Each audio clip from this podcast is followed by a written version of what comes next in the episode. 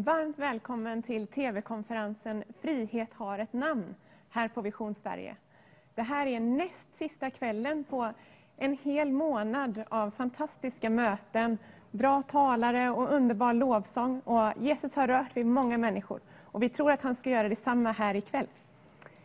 Ikväll gästas vi av eh, representanter från New Wine.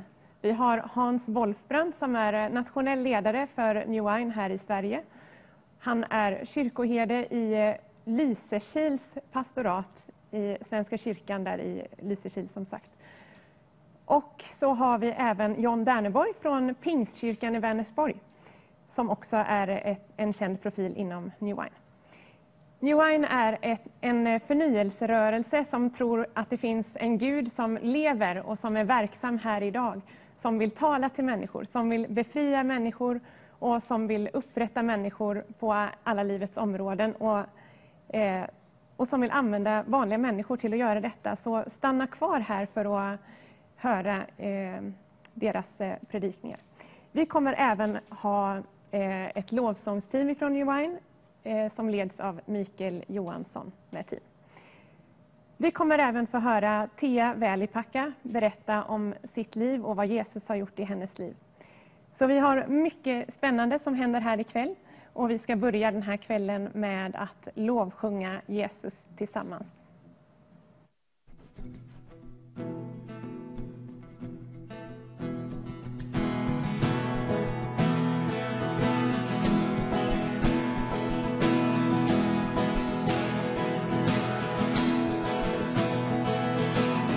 Vem lossar vår jord?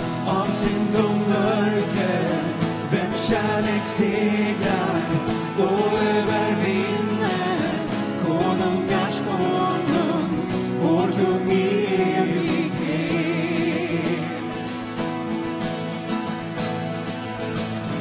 Vem skakar jorden med blixt och dunder? Lämnar mig andlös, fylld av förundran konung, vår kung i evighet. Vilken otrolig nåd, en kärlek utan slut. Du kom och tog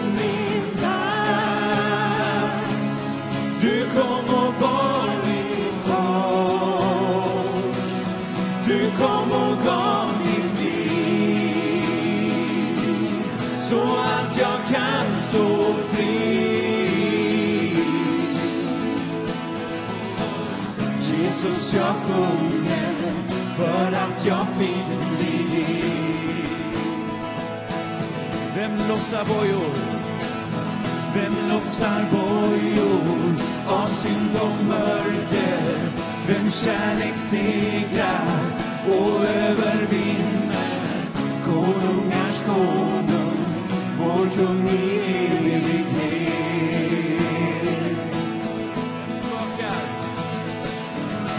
Skakar jorden med blixt och dunder?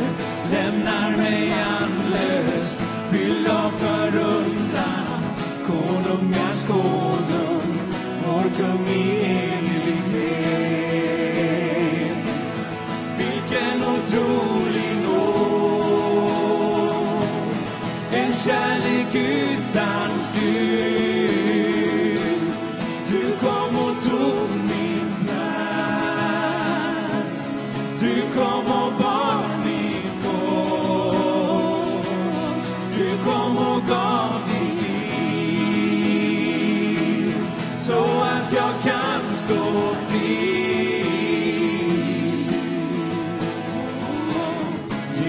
Jag sjunger för att jag fick bli din.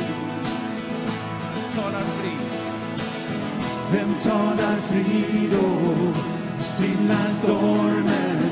Vem gör en utstöt till son och dotter? Konungars konung, vår kung i evighet. Vem talar frid? Vem talar frid och stillar stormen?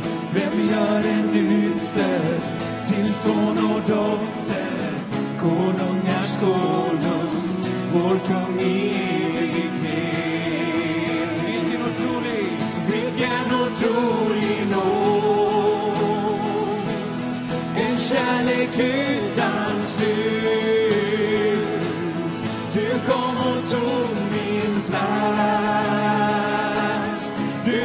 kom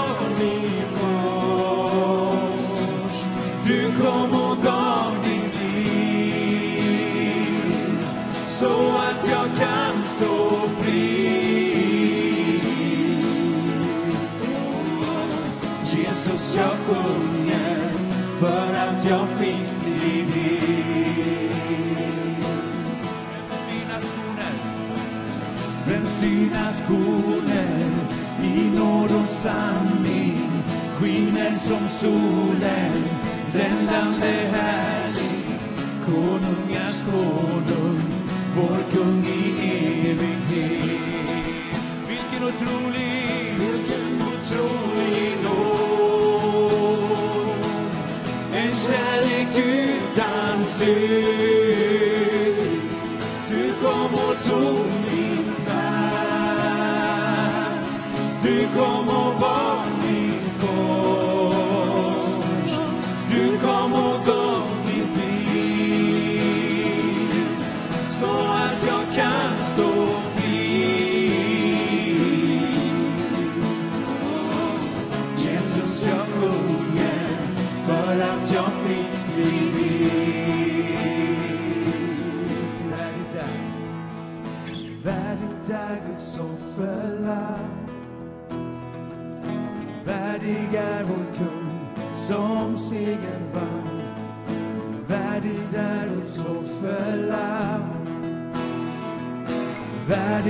är vår kung som seger vann. Ska vi sjunga tillsammans?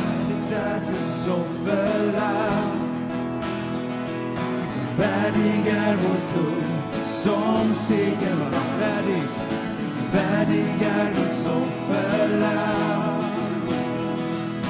Värdig är vår kung som seger vann. Värdigt är Guds offerlamm.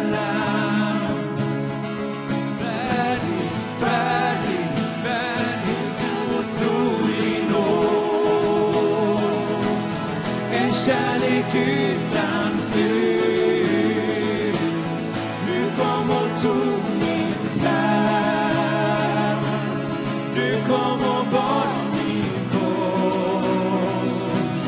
Du kom och gav ditt liv så att jag kan stå fri. Jesus, jag sjunger att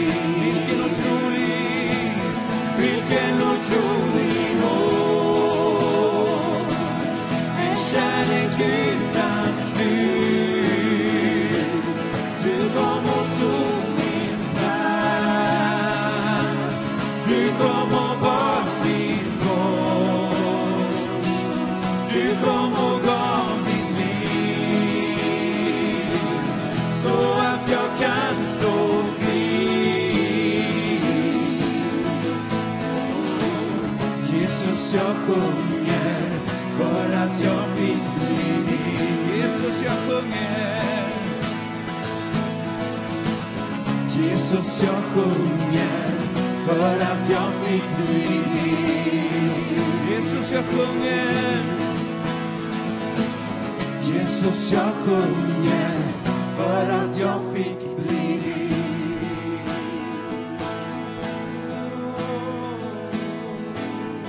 jag sjunger för jag fick bli din. Du la en ny sång i min mun. Det finns en sanning som står kvar. Jesus enda säkra hopp jag har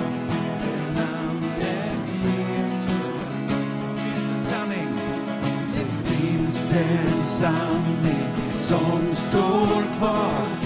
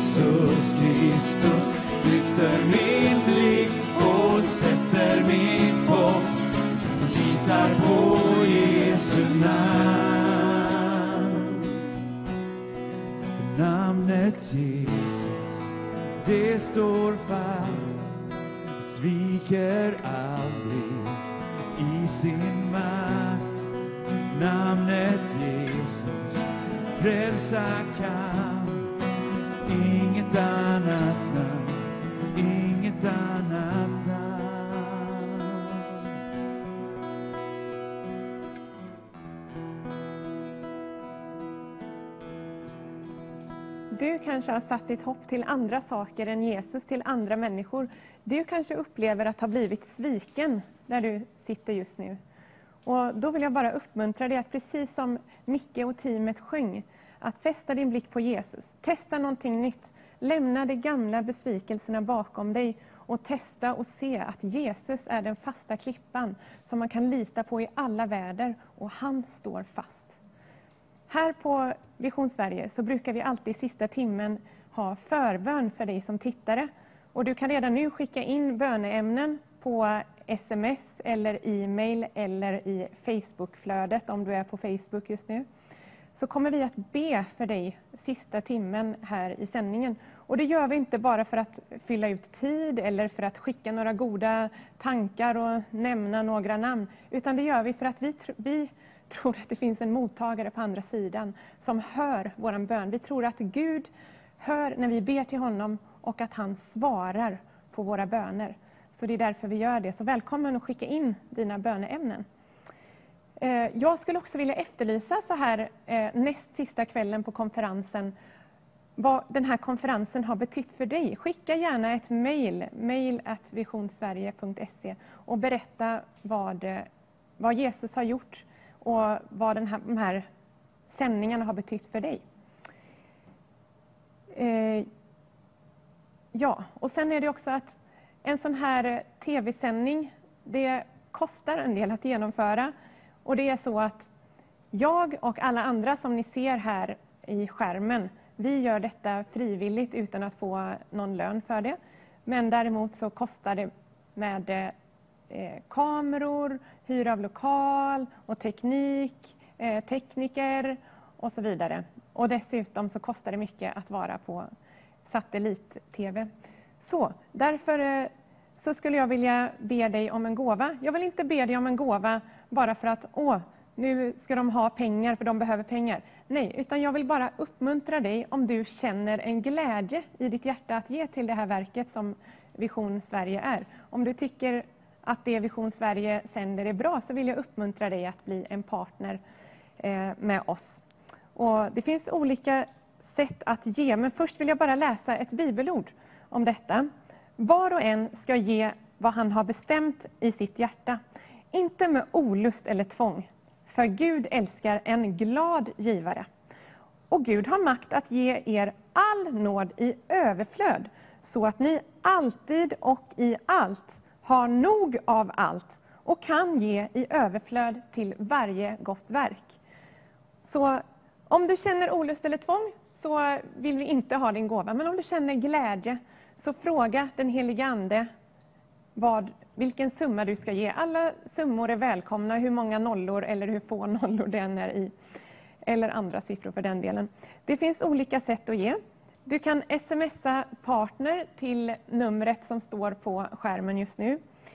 Du kan också ge via Swish eller om du ger ifrån Norge så kan du ge via Vips och, eller bankkonto. Så vi ska fortsätta med lovsång här med eh, Nicke och hans fantastiska team.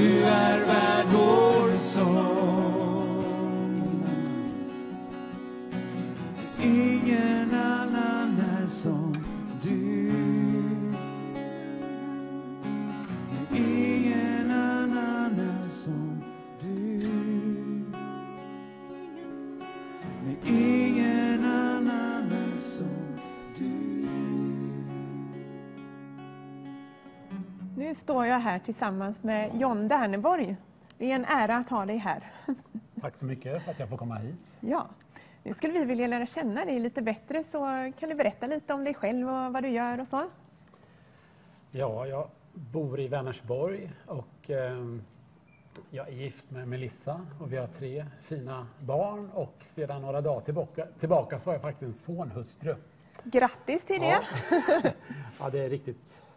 Det är helt fantastiskt. Helt Ja. fantastiskt. Och, ehm, just nu är vi på semester i en stuga i Småland. Är vi det just nu verkligen? Ja, precis. Alltså, men jag, Så du har åkt från semestern Jajamensan. för att vara här ikväll? det tog två och en halv timme hit ungefär. Så, så jag åker tillbaka till stugan ikväll. Mm. Vilken hängivenhet! du, vad är det bästa semesterminnet från eh, den här sommaren då? Ja, men det är ju naturligtvis eh, vigseln av min, eh, Ja. ja, en av mina söner Ja. mm. och hans sonhustru. Mm. Precis, hans fru. Ja, såklart. Ja. Eh, när upptäckte du att Gud eh, talade till dig? Alltså jag har ett sånt där minne från alltså när jag gick hem från en samling i kyrkan faktiskt som jag tillhörde Mm. som barn när jag var sådär 12-13 år. Och jag gick där själv och tittade lite på stjärnhimlen och, Mm. och jag uttryckte bara en sån längtan i mig själv att jag, jag ville höra Gud tala. Jag ville höra honom sådär personligen. Mhm. Och det, det, jag kan inte minnas när första gången var jag upplevde Nej. det, men, men under högstadieperioden där så, ja, så, så- så upplevde jag faktiskt sådär personliga tilltal från Gud vid upprepade tillfällen och det var jätteviktigt för mig. Mm. Tack så mycket. Nu ska vi få höra dig predika. Så varsågod. Tackar. Ja, som sagt, jag vill tacka för att jag får vara här ikväll. Och eh, vad roligt att du som har slagit dig ner framför telefonen, eller datorn eller tvn, att du finns med här och att vi får dela den här stunden tillsammans online. Eh, på sommaren så brukar jag tillsammans med Hans Wolfbrand som också kommer senare här i programmet. Vi brukar mötas ungefär en timmes körning härifrån i Vänersborg på en, en konferens tillsammans med tusentals andra. Men den här sommaren får vi alltså tillfället att mötas på det här sättet istället. Så jag tycker det är ett bra initiativ och att vi möts på något sätt från hela kristenheten eh, via det här mediet. Jag tycker det är fantastiskt. Eh, New Wine är ett nätverk som som vi är många som möts inom. Och eh, New Wine har en vision att existerande församlingar ska förnyas i den helige Andes kraft. Och att Guds rikes regerande ska eh, bli tydligt och klart i hela landet. Och eh, vi tror verkligen på att Bibeln, Guds ord, är oerhört viktigt för oss. Och därför vill vi ofta då samlas och bara undervisa utifrån skriften, vad Guds ord säger om detta. Men vi tror också då på tecken och under i den helige Andes kraft utifrån den lokala församlingen. Och jag vill verkligen uppmuntra dig, oavsett vilket sammanhang du befinner dig i, vilken församling du är, så kan den helige Ande förändra, förvandla. Jag, jag glädjer mig naturligtvis åt när nya församlingar samlar Eh, människor som är nya i tron. Men det är också fantastiskt kanske med en, med en äldre församling som har kanske gått tillbaka eh, i många år, får nytt liv genom den helige Ande. Och det är det som är vår vision för Sverige. Vi älskar att be Kom helig Ande, eller låt ditt rike komma. Och, och vi ber Kom helig Ande här ikväll. Kom helig Ande in i varje vardagsrum. Kom helig Ande till, med, med helande. Kom helig Ande med befrielse. Kom helig Ande med frid och glädje och rättvisa och helighet, helgelse. Allt detta underbara som kommer genom Guds helige Ande. Och att bara få samlas runt detta, allt Guds folk på det här sättet, det, ja, det är, man är ödmjukt tacksam. Eh, med utbrottet av covid-19 så, så fick hela kristenheten på något sätt försöka hitta en väg fram. Och likaså inom New Wine fick vi göra det. Och vi ställde motvilligt in ledarkonferens och sommarkonferens. Och, men vi började till exempel undervisning via Zoom under våren. Så vid tolv tillfällen har det funnits träning och utrustning på det området. Eh, det har funnits förbönsprogram på Instagram och även en podd har startats. Men eh, nu går vi till Guds ord här ikväll. Jag vill läsa från Markus evangeliet, det andra kapitlet och den 22 versen. Och där säger Jesus så här att och ingen häller nytt vin i gamla säckar. I så fall spränger vinet säckarna och både vinet och säckarna förstörs. Nej, nytt vin häller man i nya säckar. Och det här var en viktig undervisning för Jesus, för han återkommer till den både i Matteusevangeliet, i Markusevangeliet och Lukasevangeliet. I Matteus 9.17 så står det, om man, häller, om man häller inte nytt vin i gamla säckar, i så fall sprängs säckarna och vinet rinner ut och säckarna förstörs. När nytt vin häller man i nya säckar. Då bevaras vin och säckar. Och jag tycker de här orden de beskriver någonting i Jesu tjänst som är väldigt viktigt. Och det är att eh, när Jesus kom i den heliga Andes kraft så gjorde han allting nytt. Det som var gammalt fick nytt liv.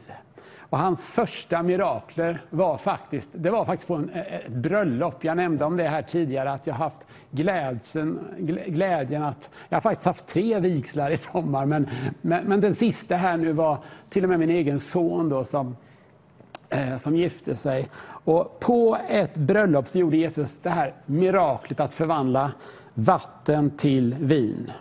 Så genom sin undervisning, genom under och mirakler, genom sin död och uppståndelse så gjorde Jesus allting nytt. Du får evigt liv från himlen när du omvänder dig, när du vänder dig till Gud, du bekänner din synd, du bekänner att Jesus är Herre. Då ger han dig kraft att också följa honom.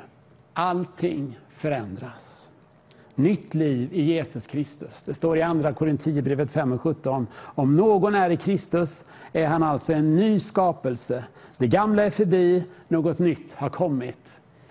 Och jag vill säga det från djupet av mitt hjärta här ikväll att oavsett din livssituation just nu så, så kan Gud komma med nytt liv in i din situation.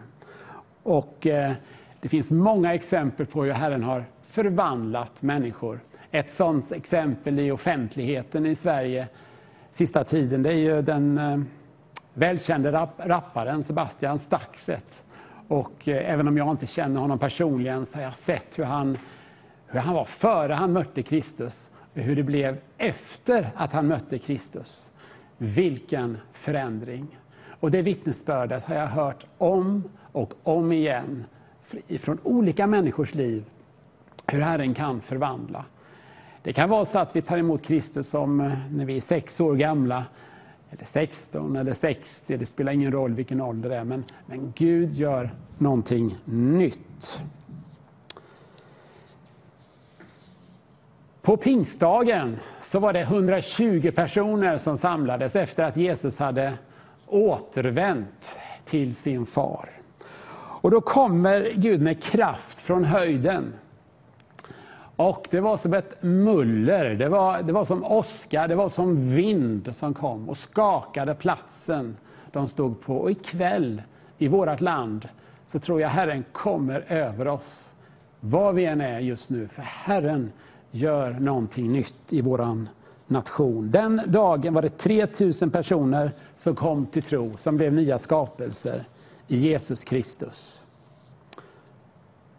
De överlät sig till Herren de tog nyheterna till gator och torg och gränder. Jag påmindes för några veckor sedan när jag skrev en krönika eh, till en kristen tidning att eh, en bok jag hade läst för många år sedan om Bertil Paulsson. Och, eh, författaren hette Birger Turesson.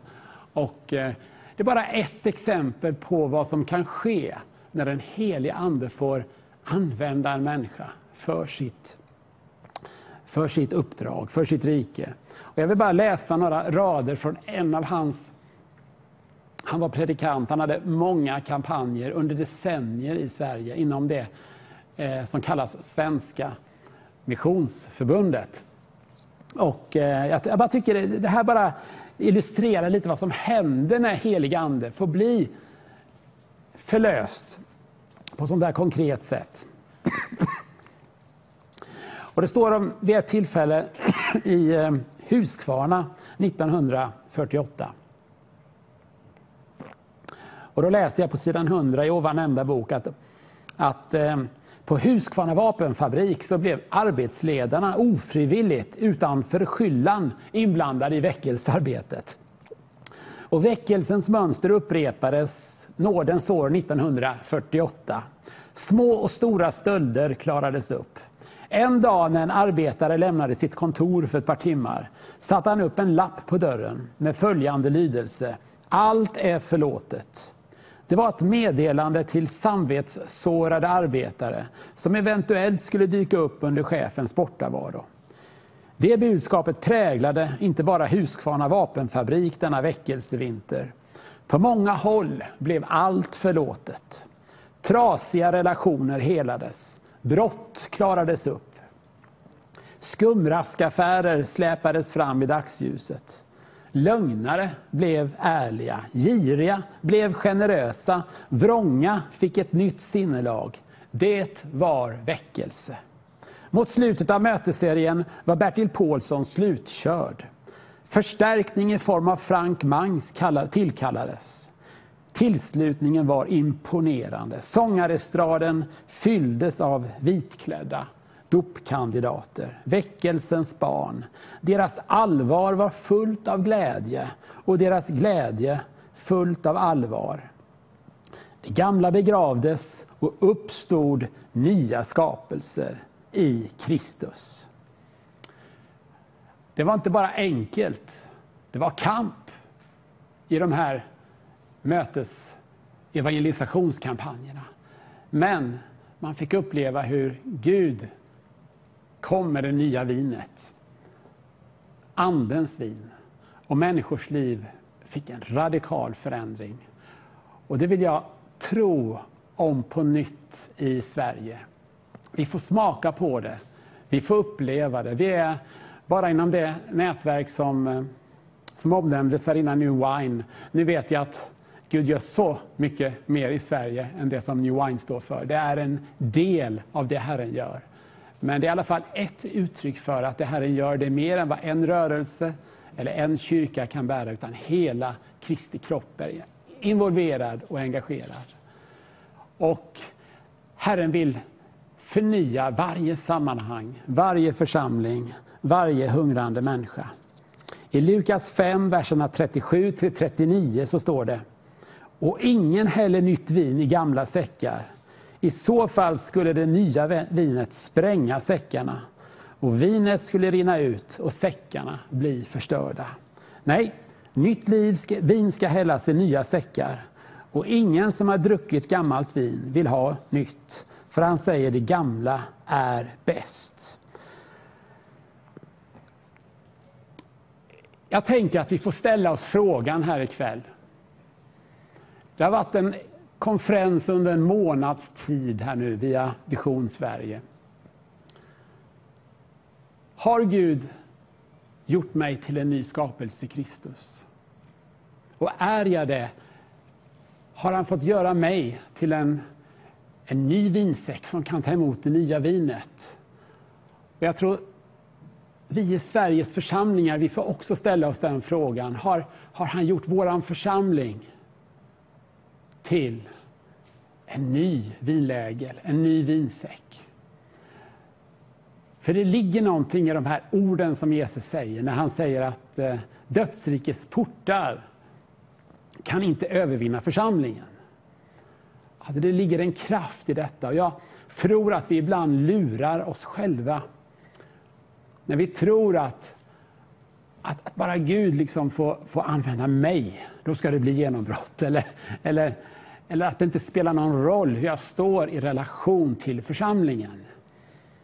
Därför att principen är tydlig och klar i Guds ord. Att, att Gud födde en församling, han reser upp en församling. Och utifrån Efesierbrevet 4 och 11 förstår vi att han har satt tjänstegåvor i församlingen. Och när jag står i rätt relation till de tjänstegåvorna, då kan jag blomma ut fullt ut. Och Det handlar inte bara om att jag ska få blomma ut fullt ut, utan det handlar om att vi ska få se andliga segrar. Att vi ska få se riktiga genombrott i våra städer och i vårt land. Som sagt, det finns en fiende som inte vill att det här genombrottet ska ske. Och eh, vi lurar inte honom med vår oenighet.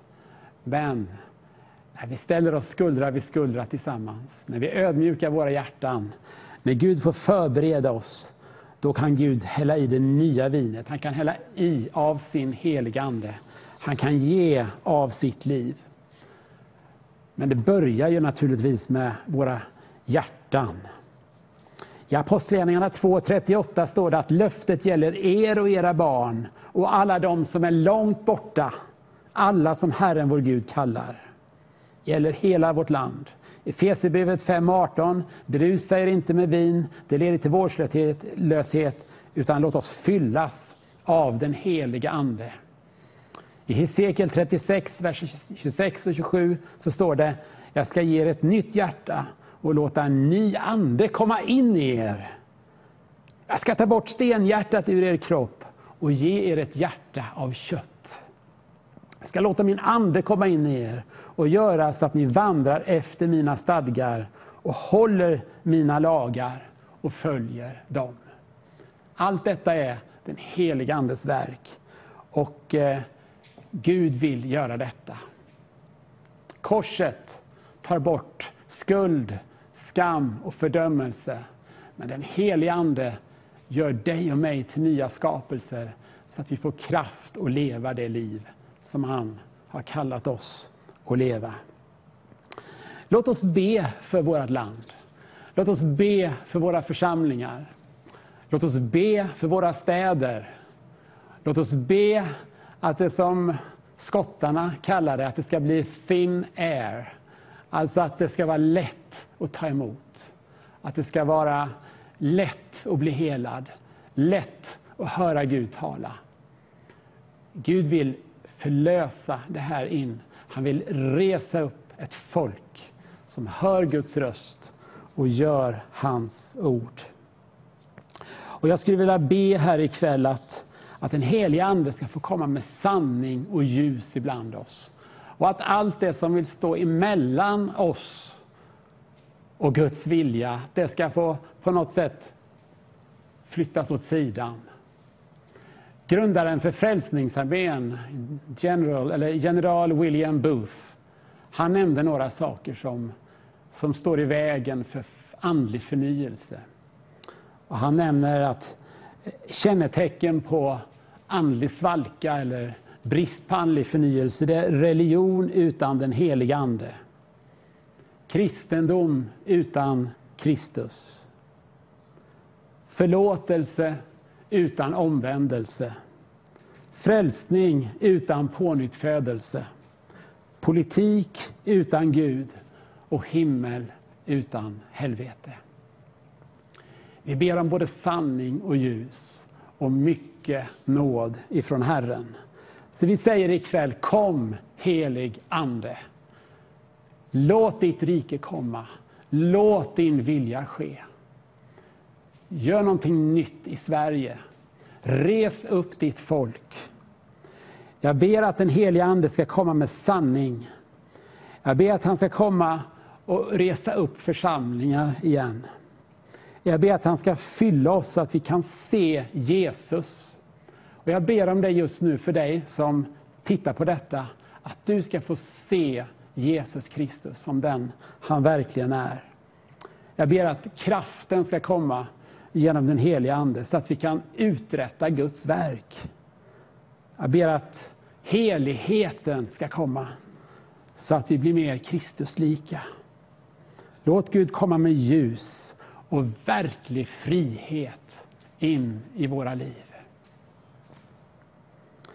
Jag ber också om kärlek, ödmjukhet och ett sunt sinne. Och så ber jag att du förlöser det profetiska. Jag ber att nytt liv ska få bryta in i människors liv. Kom med det nya vinet. Kom in i våra böneliv, Herre. Jag ber att du kommer och fyller oss när vi ber, så att vi kan be böner som blir inspirerade av din heliga Ande. Och så ber jag att du kommer med föd den där lovsången i våra hjärtan, så att vi kan sjunga till dig, Herre, på ett naturligt sätt, Herre. Kom och fyll på just nu med din kraft, just nu med din helighet. I Jesu Kristi namn. Halleluja.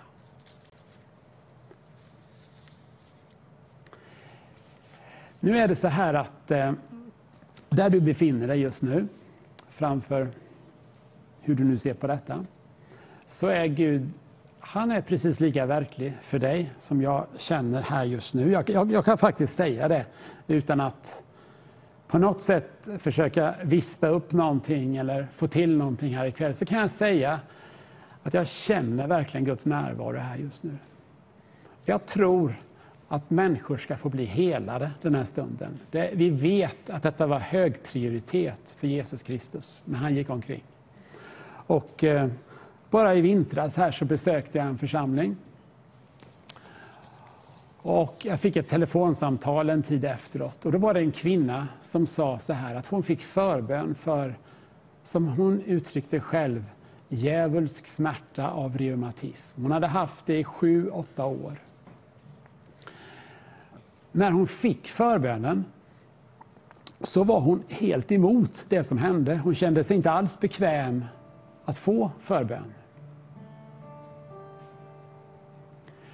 Men hon tillät ändå de som stod runt omkring henne att lägga händerna på henne. Det var väldigt ovant för henne.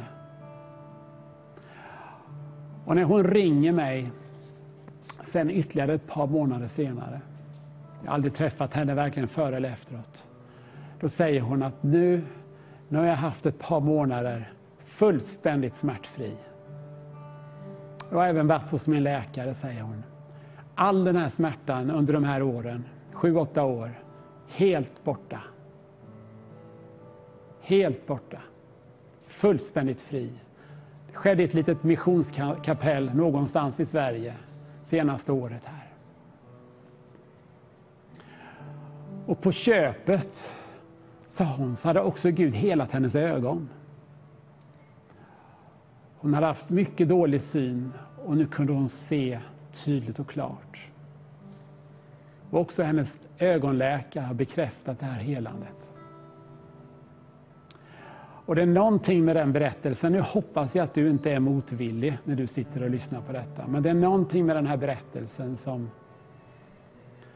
som ger mig hopp därför att alltså för Gud är ingenting omöjligt.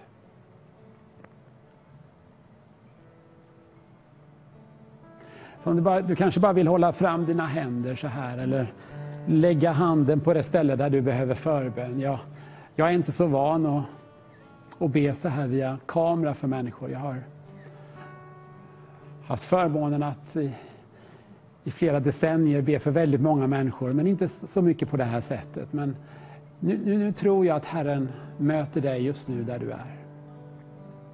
Skulle det vara så att du har reumatism, så vill jag bara säga åt reumatismen, i Jesu namn, gå i Jesu namn. Smärta, försvinn i Jesu namn.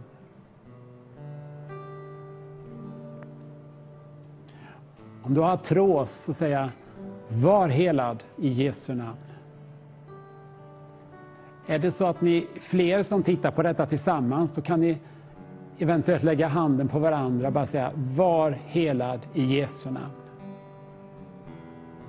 Jag ska säga att Guds ande, jag har sagt mycket om Guds ande ikväll, men han är också en generös ande. Det finns stor generositet hos Guds heligande. Var helad i Jesu namn. Jag ber för dina ögon nu också. Ögon, öppna er i Jesu namn. Var helad. I Jesu namn.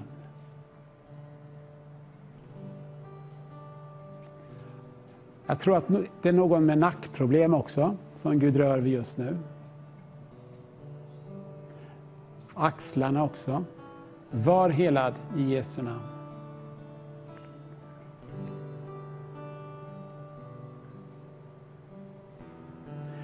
Jag vill också bara be att helige Ande kommer och fyller dig nu.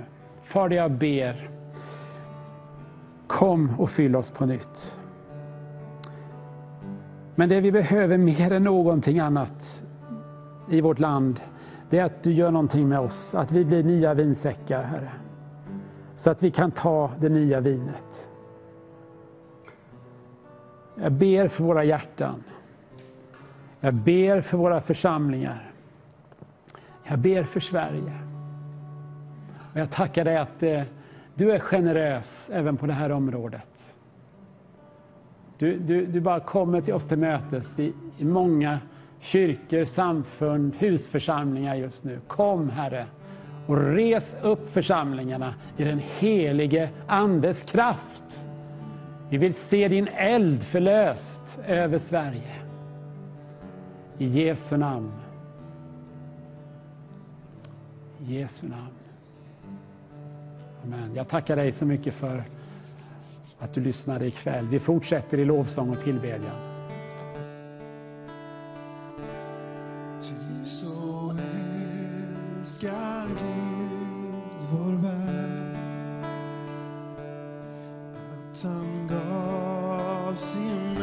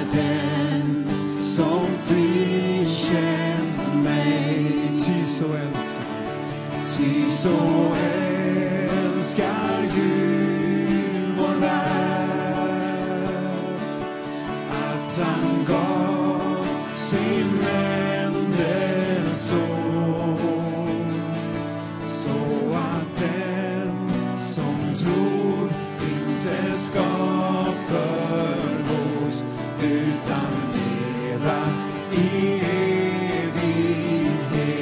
Jag väntar här, jag väntar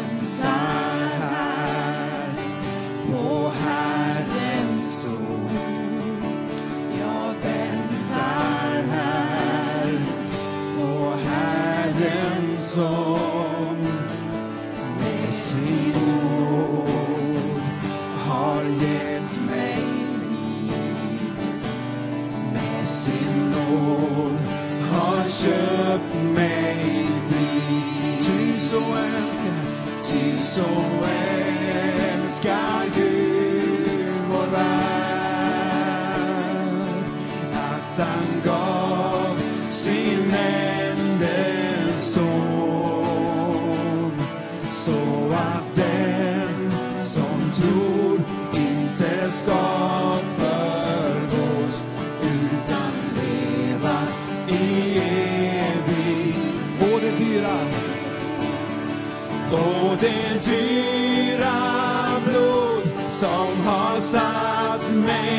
fri.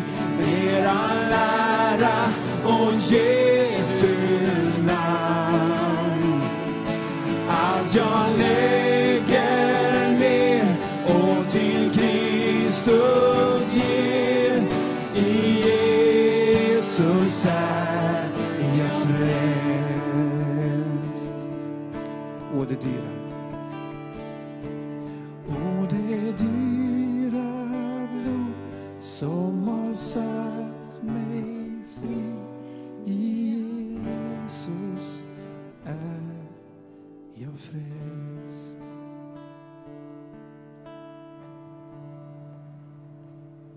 mycket för den sången.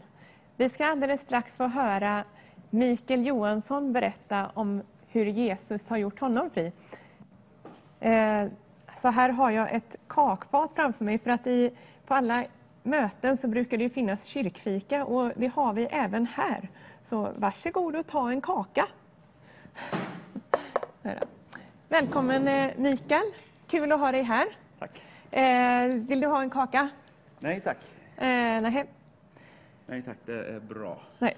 Men du kommer strax få upptäcka varför vi har ett kakfat här på bordet nu. Så varsågod eh, Mikael och dela vad Jesus har gjort i ditt liv. Tack. Hej, Micke Johansson heter jag, är också från Vänersborg. Och, eh, Jag har varit med om en spännande resa det sista året. Eh, och eh, egentligen börjat för många, många år sedan att det här kakfatet här, det är ett stort problem för mig. Eller jag skulle vilja säga, det var ett problem för mig. Eh, men skulle jag äta någonting så skulle det kanske kunna bli ett problem.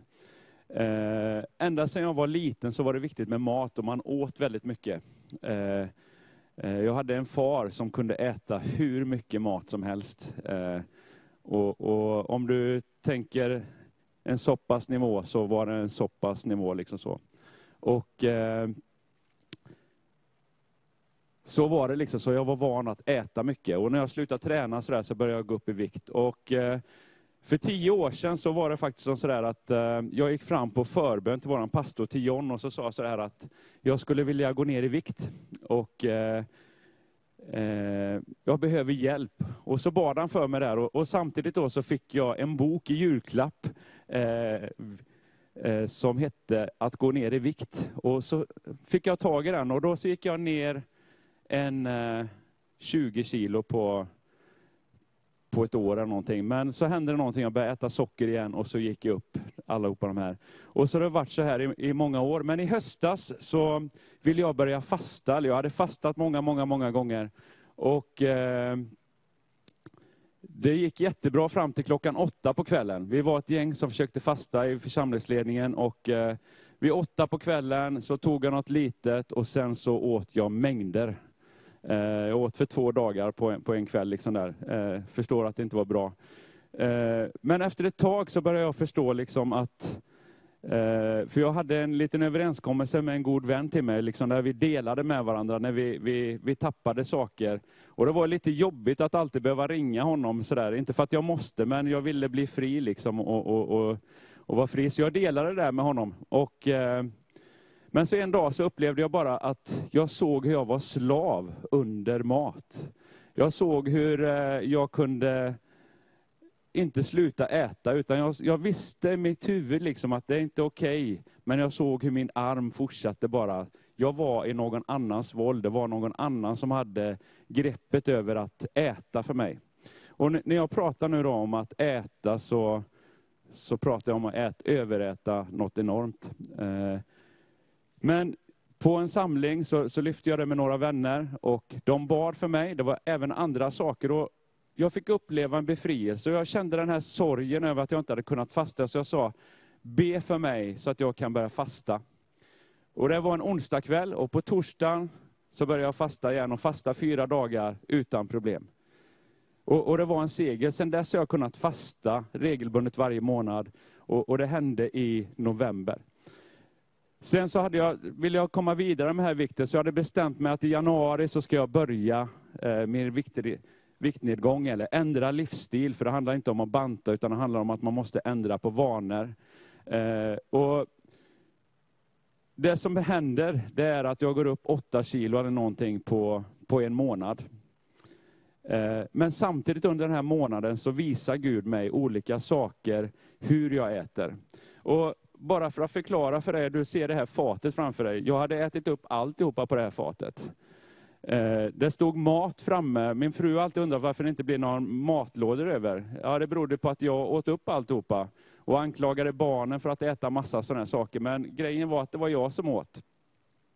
Man kunde gå in på en affär och det första jag tänkte på det var att köpa godis. Ska man köpa fyra kexchoklad? Två stycken var slut innan jag kom till bilen och två, de rest, resterande var slut innan jag hade kommit från parkeringen.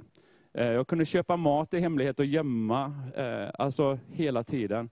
Om det var pasta över i, i en kastrull så kunde jag äta den kall och, och bara trycka i mig. Så, så att och då kan du tänka så här att killen har ju problem med sin karaktär. Men grejen var att jag var i någon annans våld, det var någon annan som styrde. För jag ville inte äta, men jag kunde inte låta bli. Så att hela tiden så blir det den här. Och hela tiden så blir man drabbad av dåligt samvete. Varför håller jag på och äter? Och, och så blir jag anklagad för att, för att jag åt. Och sen åt jag lite till. Så hela tiden det här anklagandet att jag var en annans våld, det var någon annan som styrde. Jag var slav under mat. Så jag tog upp det med mina vänner igen och de bad för mig och det är många som har bett genom åren för mig. Men den 8 november så hade vi en dag i vår församling, eh, en Divine-dag, och vi hade framförallt undervisning om befrielse. Och, och där när, när John bjöd in till att eh, befrielse, vi skulle nämna saker, så nämnde jag, jag var så trött på det här att hålla på med den här maten och äta på det här sättet. Så jag sa, Gud, nu får du göra ditt verk. Och så här eh, ett, fem månader senare, eller vad det kan bli, så har jag gått ner 20 kilo nu. Eh, jag har inte ätit socker sedan den 10, november, 10 februari. Det var då min resa började. Eh, och det var två dagar efter och jag tänkte inte på detta förrän för, för någon vecka sedan, att det var då jag började. Och jag har inte ätit socker och jag är faktiskt inte så sugen på, det ser faktiskt rätt äckligt ut det här. Eh, och jag är inte sugen på det här matet. Visst är det en resa att kämpa fortfarande, att stå emot gamla vanor. Men jag är inte under, utan jag står över nu. Tack Jesus för att du har gjort mig fri. Tack Mikael för det du har delat. Eh, vi ska få se en eh, promotion-video, en informationsvideo om eh, vårt arbete här i Vision Sverige. Men mötet är inte över. Vi fortsätter här efteråt med bland annat predikan av Hans Wolf Brandt. Så välkommen att följa med. Vision Sverige startade på grund av ett kall. Gud kallade oss att bygga en plattform för att sprida evangeliet i Sverige. Det här är de fyra pelarna som vi bygger kanalen på. Vi vill att människor ska bli frälsta vi har tro på en helande Gud, att hjälpa de fattiga i Östeuropa och vi stödjer Guds folk i Israel. Vision Sverige har tro på att ha direktsändningar varje kväll för att förmedla evangeliet genom många vittnesbörd. Och varje år delar över 500 personer sina vittnesbörd under våra direktsändningar. Vi tycker det är viktigt att kunna erbjuda undervisning för kristna. Därför är vi fast beslutna på att producera undervisningsprogram med många olika pastorer och evangelister. Och Det är också därför vi har producerat över tusen program med flera av Guds män och kvinnor som undervisar i Bibelns budskap. Vi har alltid haft ett hjärta för att nå invandrare i Sverige som inte har svenska som modersmål. Därför har vi måndagar och tisdagar live arabiska från Stockholm med pastor Mersek Boutros. Onsdagar, torsdagar och fredagar sänder vi live på persiska och afghani. Varje lördag sänder vi det första kristna programmet i världen på kroatiska, serbiska och bosniska med Soran Kovacevic som programledare. Och från hösten 2020 börjar vi med en timmes spanska varje lördag. Varje söndag är en supersöndag. Och vi önskar att ge många olika församlingar möjlighet att sända sin gudstjänst och nå ut till fler människor genom Vision Sverige. Vi kan inte göra detta utan hjälp. Vi inbjuder dig att vara en del av vad Gud gör genom Vision Sverige. Stå tillsammans med oss och bli en partner idag.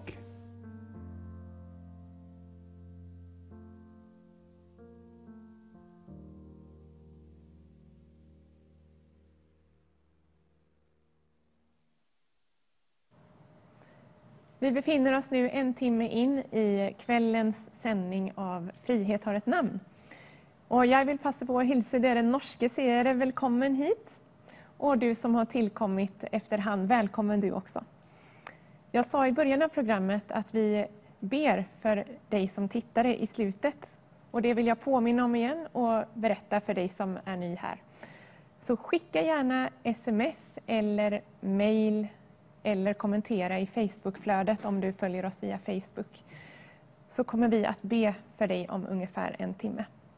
Men först så ska vi få ledas i lovsång inför Gud av Mikael Johansson med team och sen så kommer vi få höra predikan av Hans Wolfbrandt.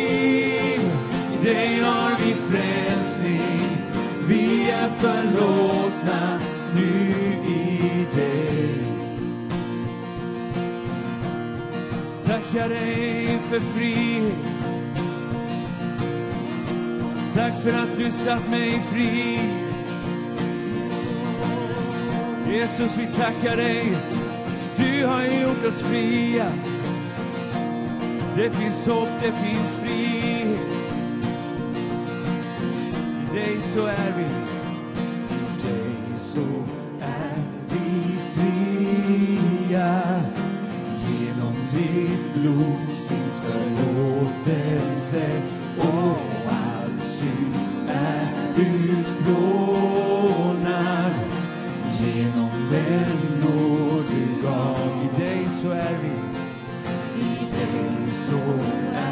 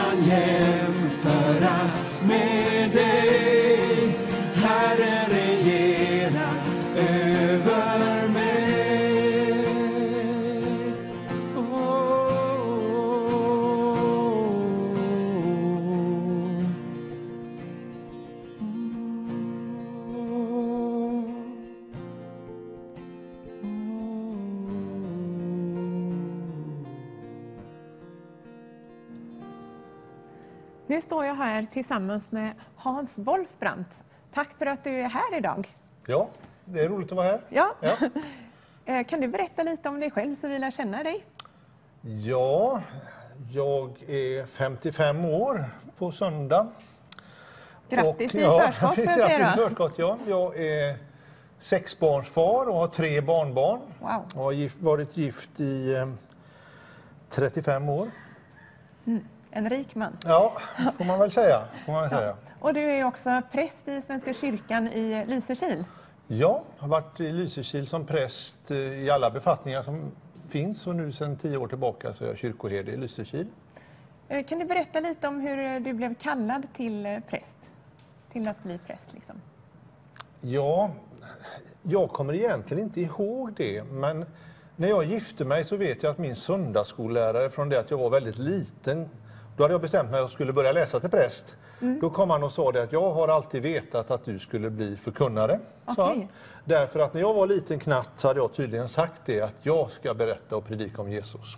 Så du hade proklamerat det som liten? Så det liksom- hade jag nog med mig sedan väldigt lite. Ja. Ja, och det tog eh, både du och Gud fasta på, så blev det så. Ja, jag tänker mig väl att det var han som ingav det redan i tidiga år på något Ja. sätt. Ja, Fantastiskt. Mm. Så nu ska vi få höra vad Gud har lagt på ditt hjärta nu ikväll. Varsågod ja Hans. tack, tackar. John som predikade förut, en god vän inom New Wine-familjen, han berättade det att han hade haft glädjen att eh, viga sin son. Och det märkliga var när John och jag tittade på sommaren, det var att i lördags när han hade vigsel för sin son så hade jag också vigsel för en av mina söner. Så både han och jag är uppfyllda av det här med kärlekens mysterium, över förundran över människor som är hängivna och människor som vill verkligen ge sig själv till varandra. Och vi har båda också förmånen att få stå jämter söner och äktenskap som är hängivna Herren.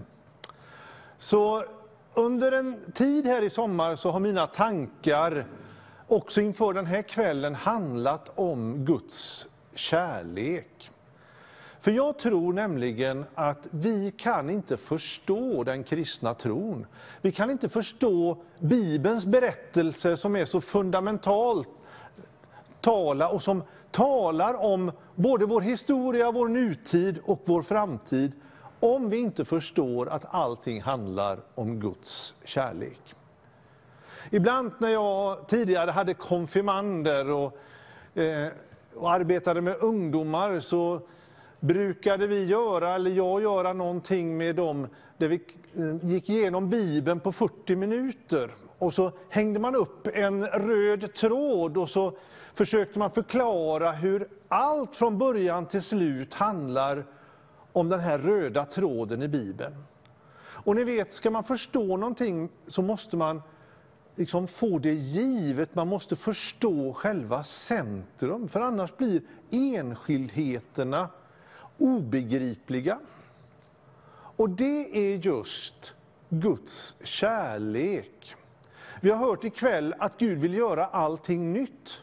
Och vi har hört hur Gud vill förvandla, upprätta och befria. Och den kraft som Gud använder till detta, det är hans kärlek. Guds kärlek. Det finns många bibelberättelser och personligheter som har fascinerat mig. Men under det sista året här så är det Johannes som har haft en särskild plats i mitt hjärta och som, som har talat till mig i Bibeln. Både Johannes evangeliet, breven och inte minst i den här skakiga tid som vi har gått igenom 2020, Uppenbarelseboken. Och Johannes, han är ju verkligen lärjungen som Jesus älskade. och han hade förstått att allt det som Jesus hade kommit för att uppenbara handlade om Guds kärlek. Guds kärlek till mänskligheten, till världen, men också Guds kärlek till honom personligen. Johannes var den lärjunge som vid den sista måltiden lutade sitt huvud mot Jesu bröst och kände hans hjärtslag. Där, drabbad av hans kärlek, så var han också den enda lärjungen som orkade och vågade följa Jesus till korset. Det står ju att Johannes fanns där tillsammans med Maria, hans mor. Och jag tror verkligen att kärlekens kraft kan förändra allting. Men jag tror också att kärleken gör mig frimodig. Kärleken fördriver all fruktan. Och det tycker jag att man kan se i aposteln Johannes liv. Hur Guds kärlek i Jesus gör att han vågar träda fram, vågar stå där när de andra ger vika. Att få identifiera sig med lärjungen, att få identifiera sig själv. Om du och jag kunde få identifiera oss med en person som Gud ser på med kärlek, då har vi kommit en bra bit på vägen för att förstå helheten, men också till upprättelse. Det berättas ju om Johannes när han som gammal biskop eller apostel i Efesus, där han levde. Johannes var förmodligen den enda lärjungen som inte led martyrdöden, även om han fick lida mycket för sin tros skull. När man bar in honom i gudstjänsten och han inte orkade säga någonting annat, så talade han till församlingen om vikten av att älska varandra. Att den kärlek som är av Gud får ge den vidare i Kristi kropp, i församlingen, till de svaga, till sina bröder, men också att ge det till världen. Det är ju ingen tillfällighet, tänker jag, att Johannes har bevarat den undervisning av Jesus och tolkat den som vi kallar lilla Bibeln. Ty så älskade Gud världen att han gav den sin enda son. För att var och en som tror på honom inte ska gå förlorad utan ha evigt liv. Jag tänker också att eh, Johannes när han försöker att förstå vad det är som Jesus gör så uppenbarar han dimensioner i sitt evangelium, i berättelsen om Jesus, som de andra evangelisterna, apostlarna, lite grann inte har missat, men han ger en ytterligare dimension som kommer av kärleken. Ibland så kan man ju säga så här att den som är kär kan se allting i rosenrött. Man ser på omgivningen med nya ögon. Och det gör verkligen Johannes. Han ser på världen, på problem, på, på, på utmaningar med nya ögon. När han skriver Uppenbarelseboken, för han får ju en befallning att skriva ner det som han ser när han sitter på Patmos som fånge. Då då skriver han om fruktansvärda händelser. Om saker som drabbar världen och som Gud uppenbarar för honom. Och jag tänker när vi lever i en tid där framtiden är osäker och vi är i skeenden som gör att eh, man känner igen sig ifrån Uppenbarelseboken. Hur ekonomin i världen börjar halta och är på väg att krascha. Hur klimatet och miljön så att säga skakar i sina fundament. Och hur pandemi, plågor, farsoter finns nu närvarande och drar över världen. Ingen trodde väl av oss att vi skulle vara där vi är idag i höstas. Ingen trodde väl det var möjligt att en värld skulle stänga ner Kanske vi anade att ekonomin inte alltid kunde stiga uppåt. Men ingen av oss, tror jag, riktigt kunde förutse det som vi är i idag. Ändå så har Jesus talat om detta till sina lärjungar och till kyrkan. Och då tänker jag så här, om vi inte förstår Guds eviga kärlek till oss, då kan vi heller inte förstå varför saker och ting kan tillåtas att ske. Vi kan heller inte förstå att det som sker inte bara är en, så att säga, en vredgad makt som skakar om det olydiga som det ibland har framställts som. Utan när jag läser Johannes så förstår jag att det finns en lidande Gud. En Gud som har gett sitt liv för oss och som har ett mål med hela historien, nämligen att få ge sitt liv och sin kärlek till oss unikt. För att vi ska bli förvandlade. Och då kan man fundera lite grann, eftersom det står hos Johannes i första Johannesbrevets fjärde kapitel att Gud är kärlek. Så kan man ju faktiskt i dessa dagar fundera på vad är kärlek?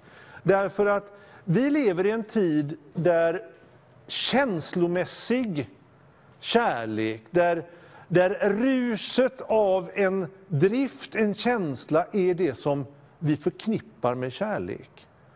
Och ska vi förstå Bibelns ord och uppenbarelse så finns det väldigt lite av det i, i Bibeln. Att Guds kärlek kommer med känslor, det är väldigt självklart. Att det kommer med ett starkt engagemang, både fysiskt och psykiskt och andligt, det är givet. Det är inte så att eh, Jesus är oberörd, utan Jesus är djupt engagerad och han, det står som om hans inälvor vänder sig in och ut när han ser hur hans älskade lider. Han gråter över Guds stad Jerusalem därför att de inte förstår liksom hur nära det är att få möta honom och bli upprättad. Som inte förstår att han är här. Det finns ett sånt enormt engagemang hos Jesus på alla plan för att nå oss. Och då tänker jag så här, det, det Gud har påmint mig om, som jag vill liksom landa i ikväll, det är att jag tror att alla aspekter av kärlek, så som Bibeln talar om det i Nya Testamentet, det finns fullkomnat i Gud. Och det är det som Johannes försöker säga till lärjungarna, att ni ska älska varandra. Det är det som han kommer ihåg från Jesu avskedstal, att när den kärleken finns och förblir i dem, så kan ni be om vad som helst. När Paulus ska undervisa om den heliga Andes kraft i församlingen i Korint, det är ganska intressant, för Paulus när han kommer till Korint så betonar han mer än någon annanstans om vad kraften innebär. Korsets kraft och Guds rikes kraft och ordets kraft som är livsförvandlande. Men innan han talar om Andens gåvor och Andens verk genom Kristi kropp, genom dig och mig och genom församlingen och genom tjänsterna, så talar han om kärlek. Och det är som om Guds kärlek och Guds andes kraft och Guds gåvor, det går inte att förstå och det går inte att fungera i och det går inte att förlösa om det inte sker i en atmosfär fylld av kärlek. Det finns i Nya Testamentet fyra huvudord för, för Guds kärlek. Alla av dem finns hos Gud och säger någonting om den Gud som söker dig och mig. Ett sådant ord är vänskaplig kärlek. Eh, Gud vill vara vår vän. Jag vet inte om du har tänkt på det, men det har betytt så mycket för mig genom livet. Därför att Gud uppenbarar sin vilja, han talar till sina vänner.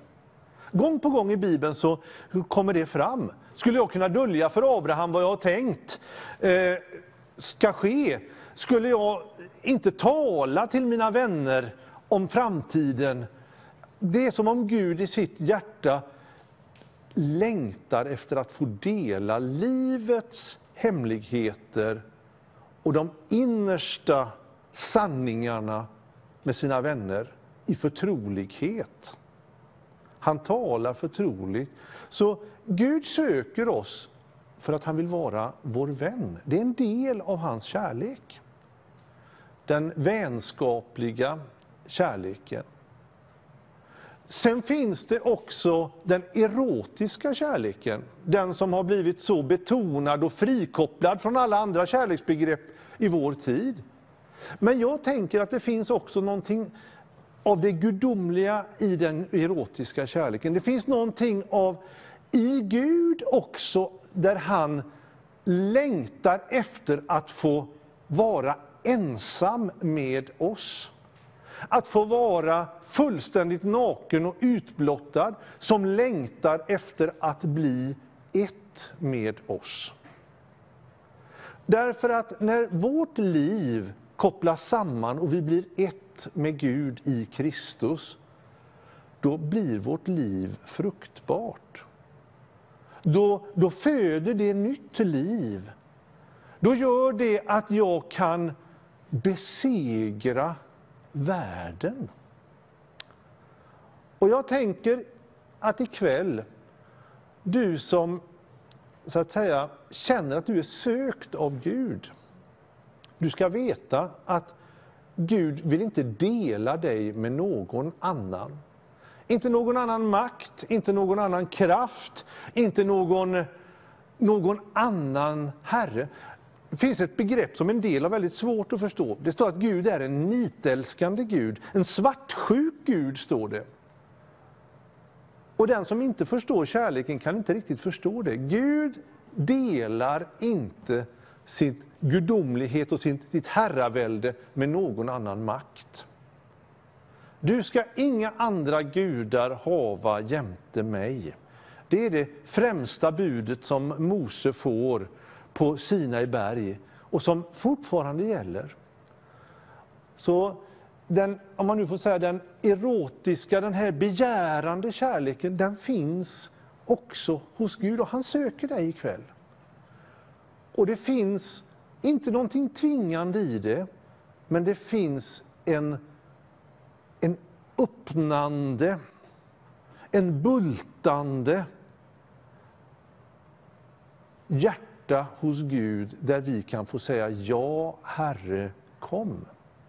Och det kan vi göra så enkelt att vi helt enkelt säger ja, Jesus, jag tar emot dig och jag vill dela mitt liv, inte med någon annan, utan du ska få vara Herre.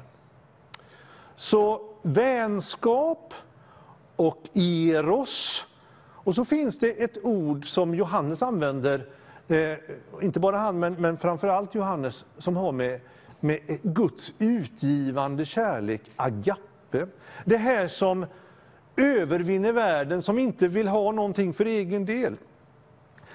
Den som gör att du kan älska dina fiender och som gör att Jesus kan be för dem som förföljer honom, eh, där han kan förlåta dem som korsfäster honom. Som gör att han kan börja om gång på gång på gång med de människor som är misslyckade. Som gör att Jesus kan säga till Petrus, inte bara sju gånger ska du förlåta, utan 77 gånger. Och det var så starkt med Mickes vittnesbörd här, där han hade misslyckats gång på gång. Jag säger inte att han kommer att lyckas alla gånger, men varje gång vi misslyckas, så när vi kommer till Gud, så finns det alltså inte en stängd dörr, utan det finns en, en agape-kärlek som förlåter igen. Och här sitter du och jag, eller står som jag gör, eller du hör detta ikväll. Och så har du kanske misslyckande efter misslyckande efter misslyckande bakom dig. Så ska du veta, Gud har inte stängt dörren. Utan du är välkommen och det finns förlåtelse därför att Gud är självutgivande kärlek. Han är en evig kärlek. Så vänskap, erotik, begärande, självutgivande och så finns det ett ord som har med det familjära att göra, med det beskyddande i kärleken. Och jag vet inte hur du tänker, men jag har burits av det här ordet att Herren är min borg, Herren är min klippa, Herren är mitt beskydd gång på gång under den här tiden när jag inte har vetat hur det ska se ut i framtiden. När, när sjukdom har kommit nära mig och när, när oron har kommit, så vet jag att jag inte har någonting att frukta, att jag inte behöver vackla. Därför Herren, Han älskar mig och hans kärlek beskyddar mig. Hur ska jag då svara på den här kärleken? Ja, först och främst handlar det om att ta emot och säga ja, Herre. Det andra tror jag är att säga, faktiskt bejaka den kärlek som finns i oss själva. Säga ja, Herre, jag älskar dig. Och därför har lovsången en så stark betydelse för oss när vi får utbringa liksom, med kropp och med själ och med ande att Jesus är Herre, jag älskar dig Jesus. Det händer någonting när man säger det första gången och menar det. Jag har varit gift i många år, men jag minns fortfarande första gången som jag sa till min då blivande fru, jag älskar dig. Det var som om det hände någonting i vår relation som, som det gick inte att ta ett steg tillbaka. Man öppnade sig och man gav sig själv på ett nytt sätt.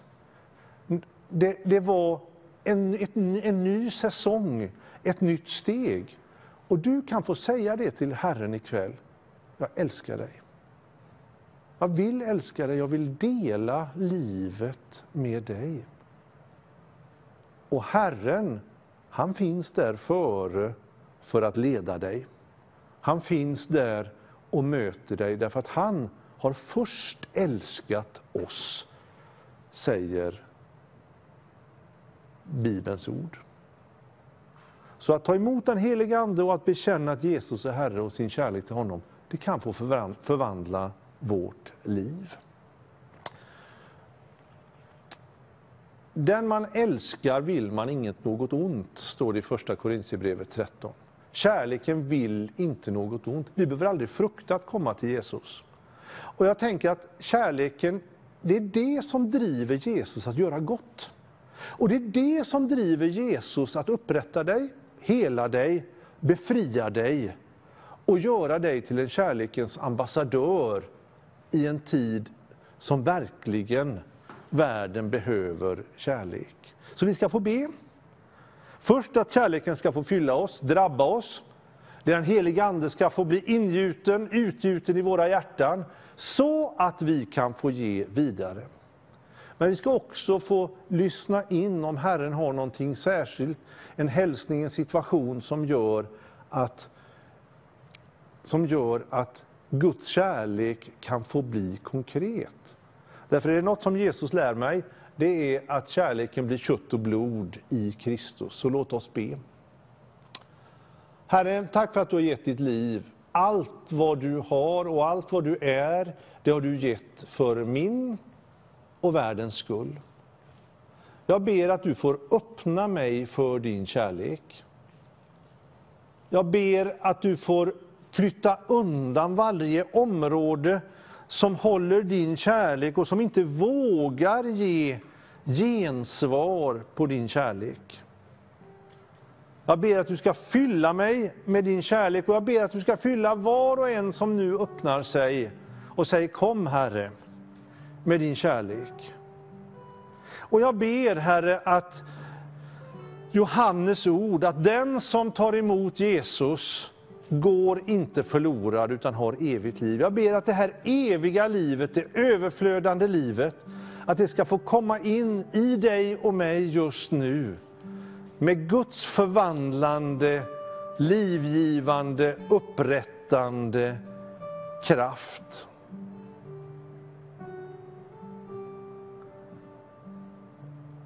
Finns du där nu som har sökt på många olika ställen, hos många olika gudar och många olika andligheter. Ikväll får du, om du vill, Herren finns där och väntar på dig. Du får lägga ner det och bekänna det som synd, att du har sökt i orena källor, druckit ur orena brunnar. Allt det där som du har satt ditt hopp till, allt det där som du har försökt att tillfredsställa ditt liv med och som har tagit Guds plats i ditt liv. Vi bekänner det som synd ikväll, Herre. Vi lägger ner det inför dig. Och vi bekänner dig, Jesus Kristus. Du är Herren. Och med våra läppar så bekänner vi Jesus, du är Herre. Och i vårt hjärta så ber vi att din heliga Ande skulle ge oss den tron att Jesus inte är långt borta, att han inte är död utan att han lever och är uppstånden och närvarande. Inte bara i himlen utan att han här i ditt vardagsrum, i din sängkammare, på din arbetsplats, i skolan. Han är där du är och han är Herren. Så rör vid den här stunden, Herre, med din heliga Andes kraft vid det som är svagt. Det som har plågat oss, det som har bundit oss. Rör vid sjukdom och rör vid eh, bundenhet med läkedom och befrielse. Allt detta så kommer vi inför dig, Herre. Vi, vi, vi kommer emot dig, du som står där med öppna armar för att välkomna oss. Vi tackar dig för att frihet har ett namn och det namnet är Jesus Kristus. Amen.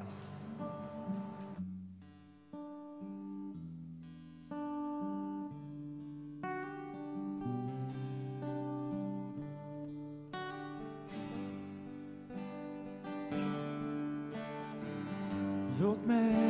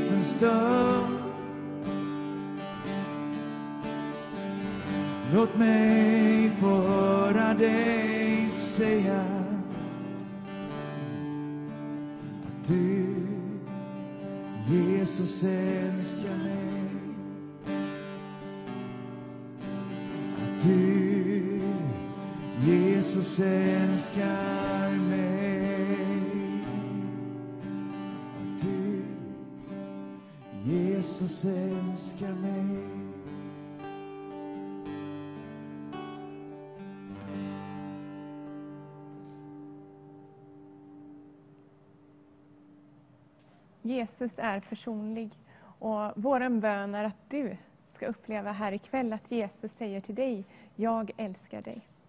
Och nu står jag här tillsammans med Thea Välipacka. Vi gick i gymnasiet tillsammans och sedan dess trodde ju jag att vi inte hade träffat varandra. Men du, men du påstår att jag var på din 20-årsfest. Och även det var ju kanske 36 år sedan ungefär. Nej, 16 år sedan. 36 var inte, ja precis. Du är ju 36, nu. precis. Precis. 16 år sedan. Ja. Och då eh, hade du ju bra betyg i skolan och du växte upp i Askim som är liksom rikemansområde som vi kallar det på min sida av stan här i Göteborg.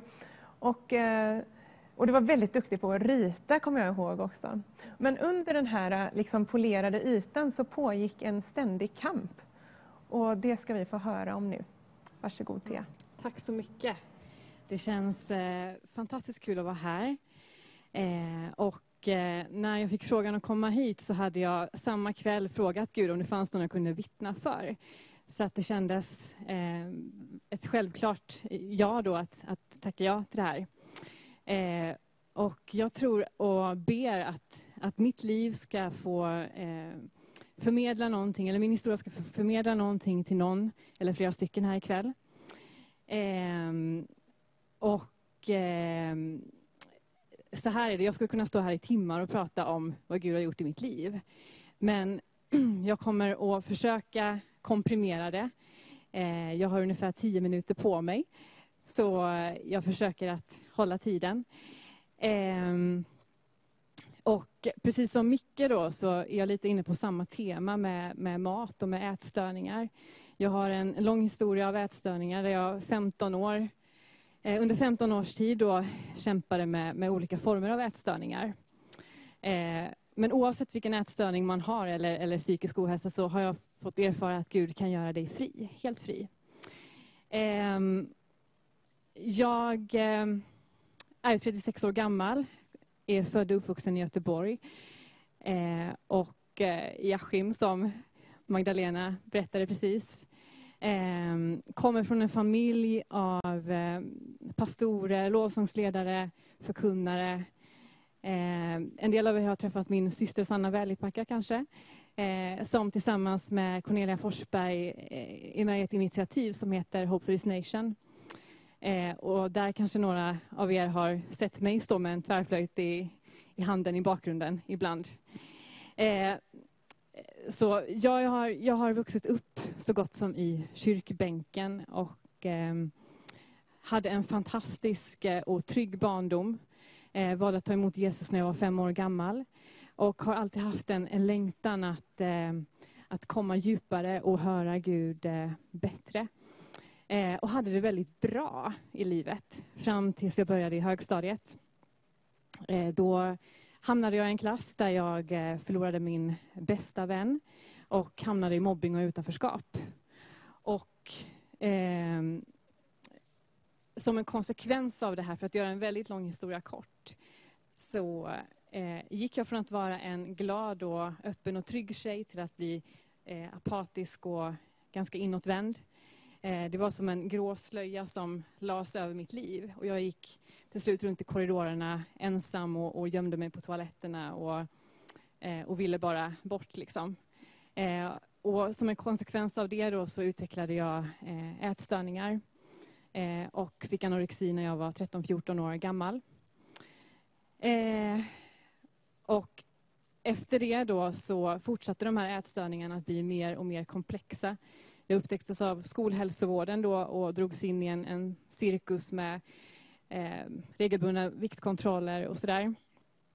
Eh, men eh, med åren då så blev de här mer komplexa och jag fick även andra psykiatriska diagnoser vid sidan av detta. Eh, och på något sätt då, som Magdalena sa också, så, så syntes det inte så mycket utåt för att jag byggde upp en, en mur, fasader.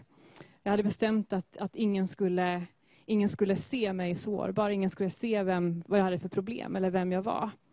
Eh, och det var en väldigt ensam kamp eh, där jag eh, isolerade mig väldigt mycket och, och gjorde det absolut nödvändigaste. Eh, och på något sätt då så, så hankade jag mig framåt liksom, men hade inte riktigt någon plan. Och när jag var 23 år gammal då så kom jag in i en, en ny fas med de här ätstörningarna Eh, och ramlade ner i ett, ett eh, stort svart hål.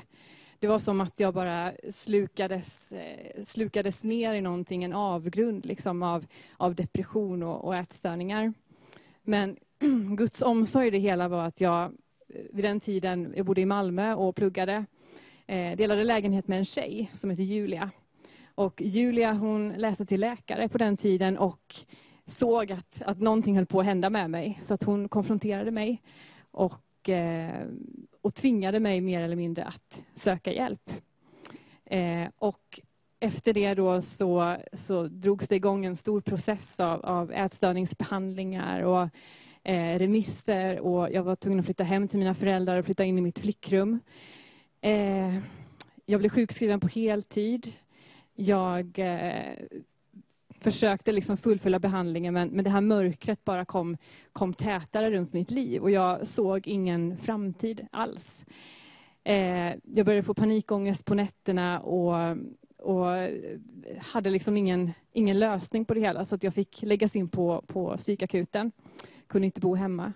Eh, jag bodde på psykakuten i två, tre månader och flyttade därifrån till ett boende där jag hade personal dygnet runt. Eh, och där bodde jag tills jag var 25 år gammal ungefär och blev utskriven från BUP, barn och ungdomspsykiatrin.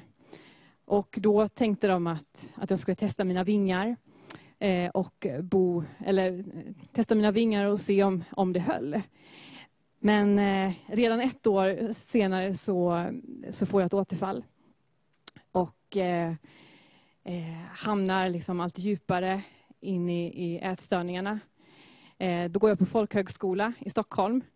Eh, men eh, försöker liksom fixa det och på något sätt så fixar jag det året men blir tvungen att, att eh, ja, söka hjälp efter det.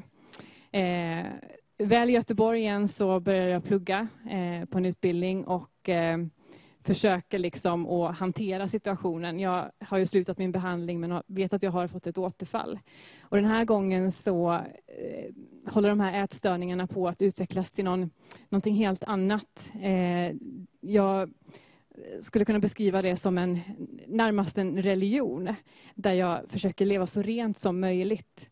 Eh, jag eh, skyller på magproblem och utvecklar någon typ av renlevnadsdiet där jag eh, slutar att äta ganska mycket eh, vanliga livsmedel och liksom forskar i alternativmedicin och liksom dras in i en, i en helt annan värld. Jag går ner i vikt och, och, tappar hår och jag hade redan tidigare fått höra varningar från läkare om att mitt hjärta var stressat och att min kropp var väldigt sliten. Eh, och, men den här eh, dieten som jag höll på med, den här renlevnadsideologin, den gav mig eh, kickar för det är det ätstörningen gör, att den ger dig kickar samtidigt som den, som den drar ner dig i någonting mörkt och farligt eh, och eh, binder dig. Eh, och när jag är inne i den här så, så är jag dels euforisk, eh, men dels då så känner jag en, en ny sorts panik. Att hur, hur ska jag göra nu? Nu är jag 27 år gammal och jag har haft mina ätstörningar i 14 år. Att finns det någon lösning? Att, är det ens värt att leva?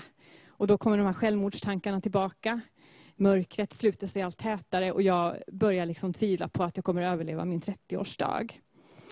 Eh, och under den här tiden då så går jag ofta med grönsaker i väskan för att jag äter egentligen bara fem ingredienser. Och när jag blir bortbjuden så har jag med mig de här grönsakerna då.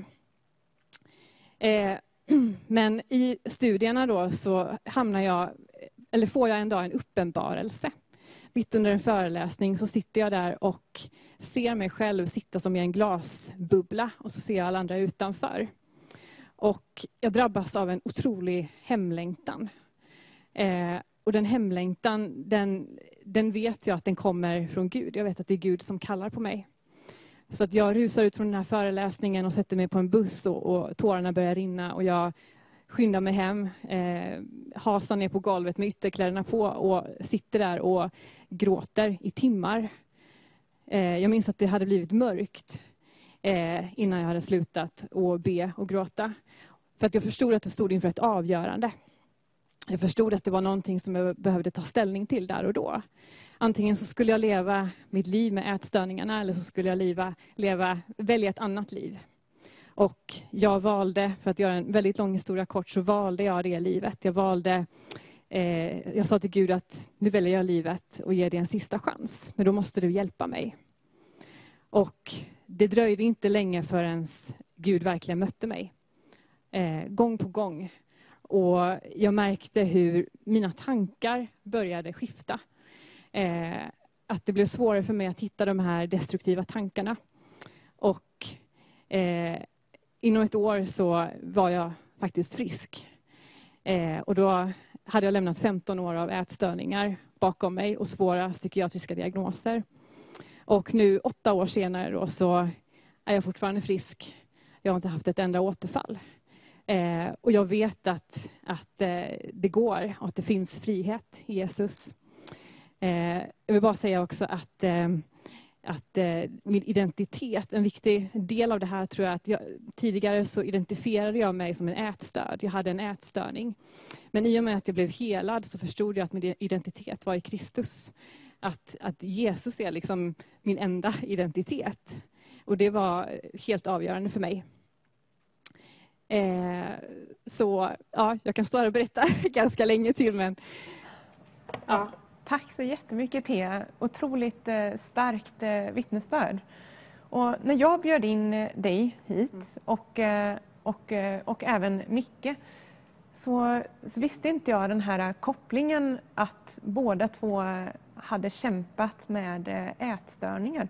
Och, så jag kan se ett samband här, det kanske du också kan, det är inte så svårt att se. Mm.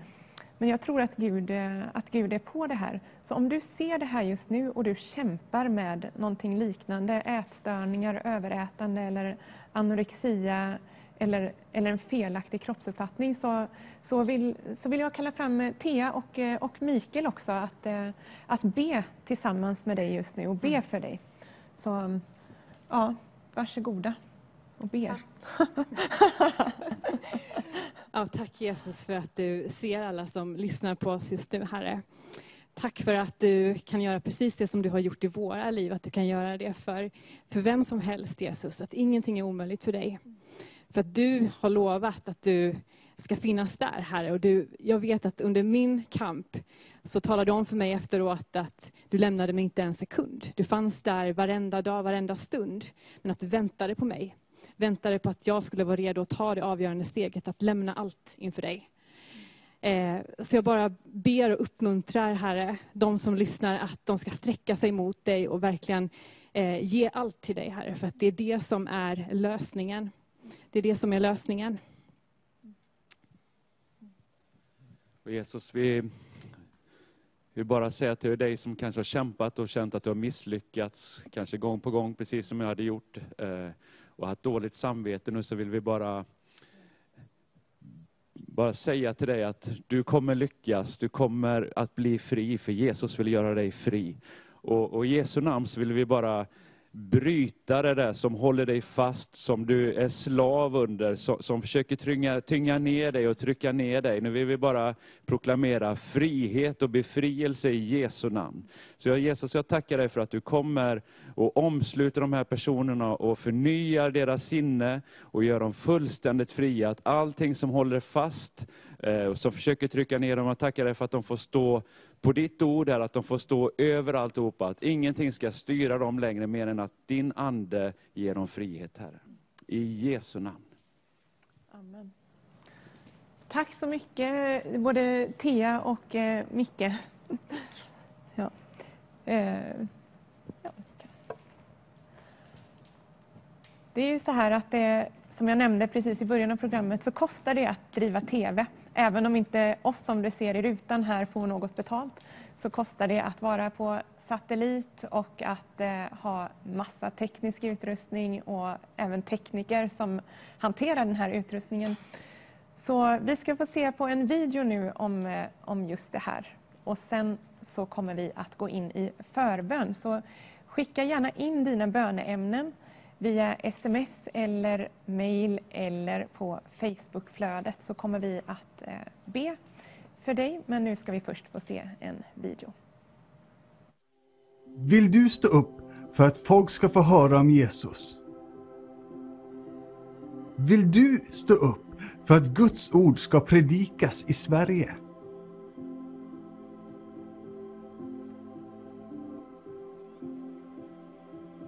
Vill du stå upp för trosfrihet?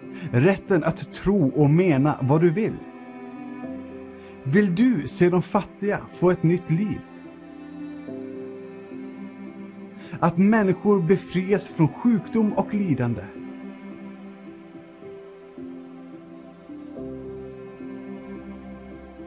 Vill du bli välsignad?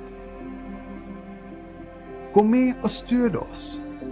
Vision Sverige är kanalen för de goda nyheterna och vi måste arbeta medan det fortfarande är dag.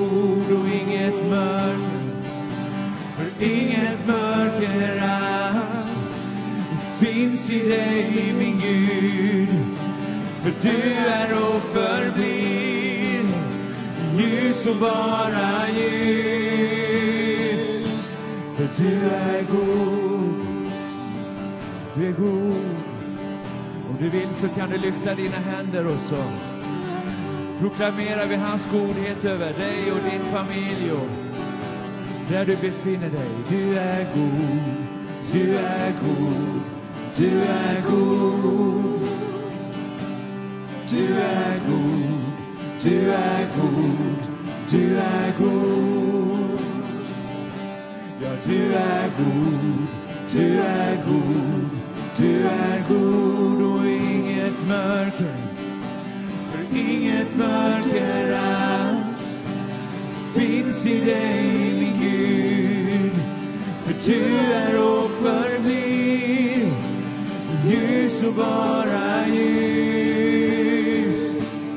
du är god.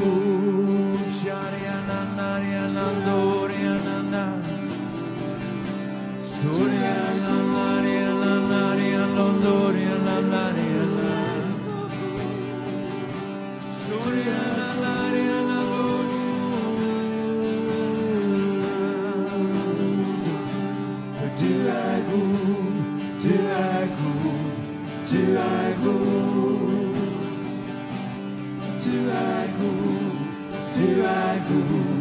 God, du är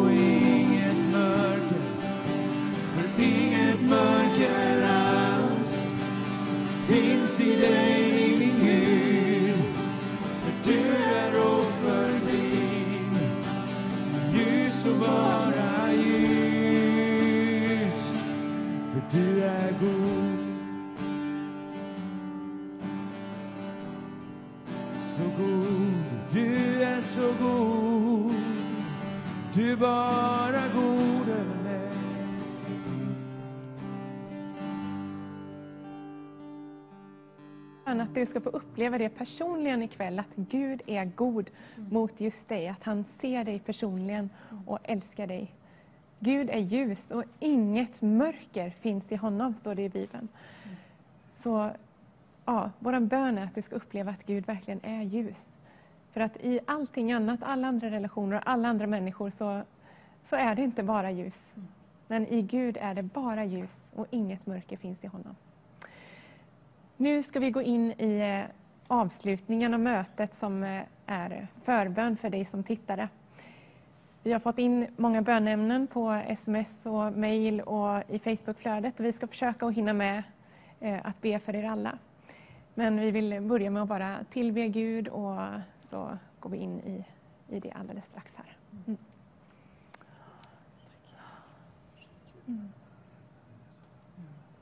Tack Jesus för den här kvällen som vi, har, som vi har tillsammans här.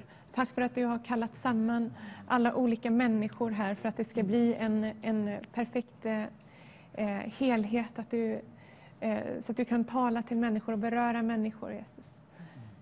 Mm. För ditt namns skull, för din äras skull är vi här, Jesus. För att människor ska få verkligen bli berörda av dig, Jesus. Mm. Kom heligande. Tackar dig Herre Jesus för att du har alltid funnits vid vår sida. Det finns inte ett ögonblick som är fördolt för dig. Och vi tackar dig för att det du har sett och det du har delat med oss, det finns inga hopplösa fall. Det finns ingenting som gör dig modlös, utan när ditt rike kommer så kan Guds goda vilja få ske fullständigt i oss. Tack för att du vandrar fritt i vår historia och du känner oss just nu. Och du har lovat att vara med oss alla dagar intill tidens slut. Så vi ber öppna våra ögon Herre så att vi ser din närvaro. Öppna våra öron så att vi hör dig tala. Fyll oss med din heliga Ande så att vi kan tro.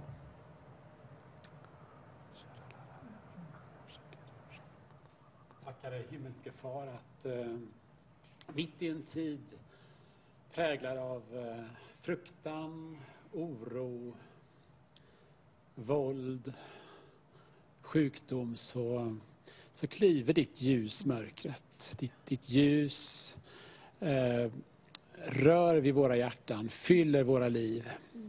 Och jag tackar dig att ikväll är en viktig kväll, Herre. Eh, därför att du rör vid människors hjärtan.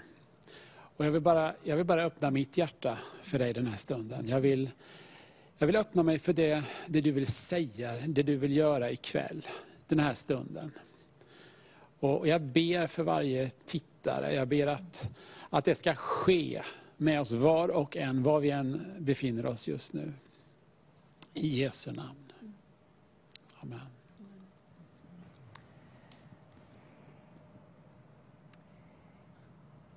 Vi har eh, Bitte Lindblom som eh, skriver Fader ber om befrielse från alkohol och droger över min son. Befria honom, upprätta honom. Jesus lägger honom och mina andra barn i dina välsignade händer. Mm, så vi ber för Bittes eh, son.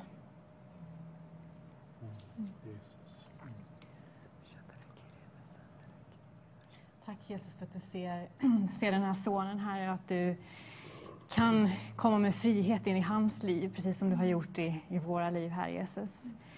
Att det inte finns någon, något missbruk eller något beroende som är för stort eller svårt eller för starkt för dig Jesus. Jag ber att du i Jesu, i Jesu namn ska eh, bryta med, de här, med det här beroendet som alkoholen kommer med Jesus. Så att det finns, jag vet att det finns fler där ute som kämpar med samma sak. Mm. Eh, så jag bara lägger alla som har det här beroendet eh, inför dig Jesus. Och nu när corona kom också så, har man, så, så vet jag att många i ensamhet kanske har ökat sitt alkohol, eh, alkoholkonsumtion och att det har lett till fler beroenden Jesus. Eh, så att jag vill verkligen lägga det här problemet inför dig ikväll. Tack för att du kommer med frihet. Mm.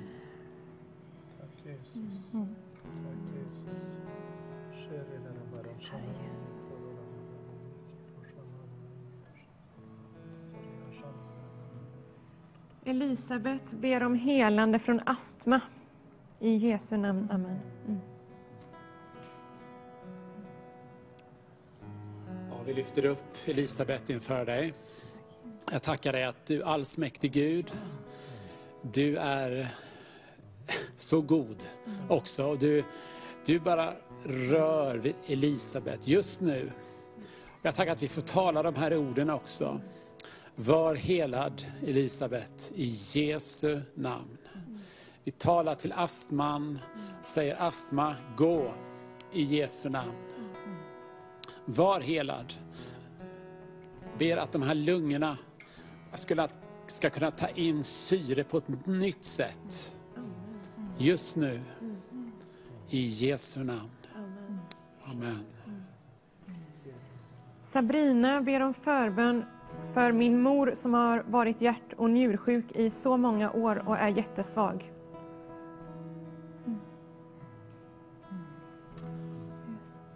Herre, vi tackar dig för att det som är svagt kan bli starkt i din hand.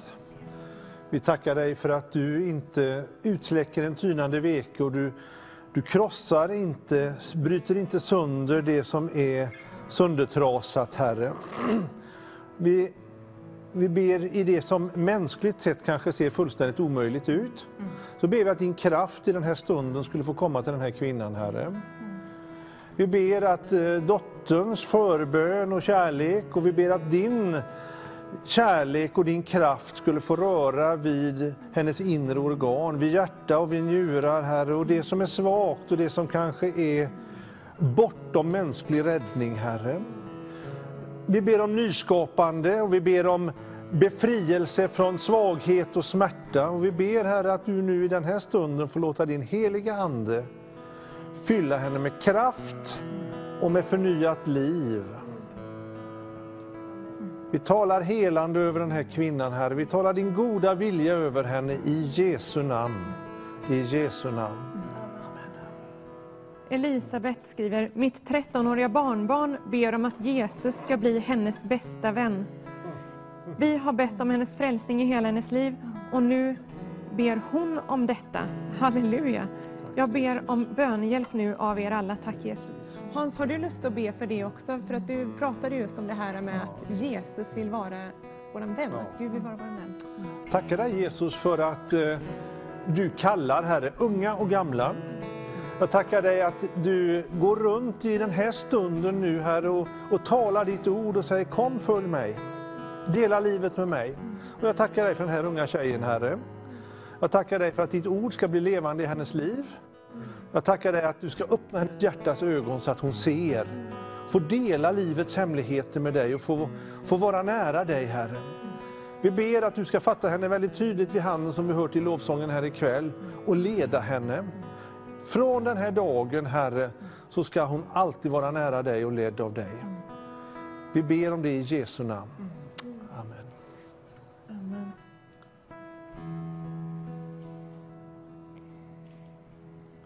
Mm. Ja, det är mycket tacksägelseämnen och prisad och ärade vår Herre Jesus Kristus i all evighet. Amen, skriver någon. Och Tack Jesus för din nåd och kärlek och ett under har skett, skriver någon annan, men det står inget mer om det här. Mm.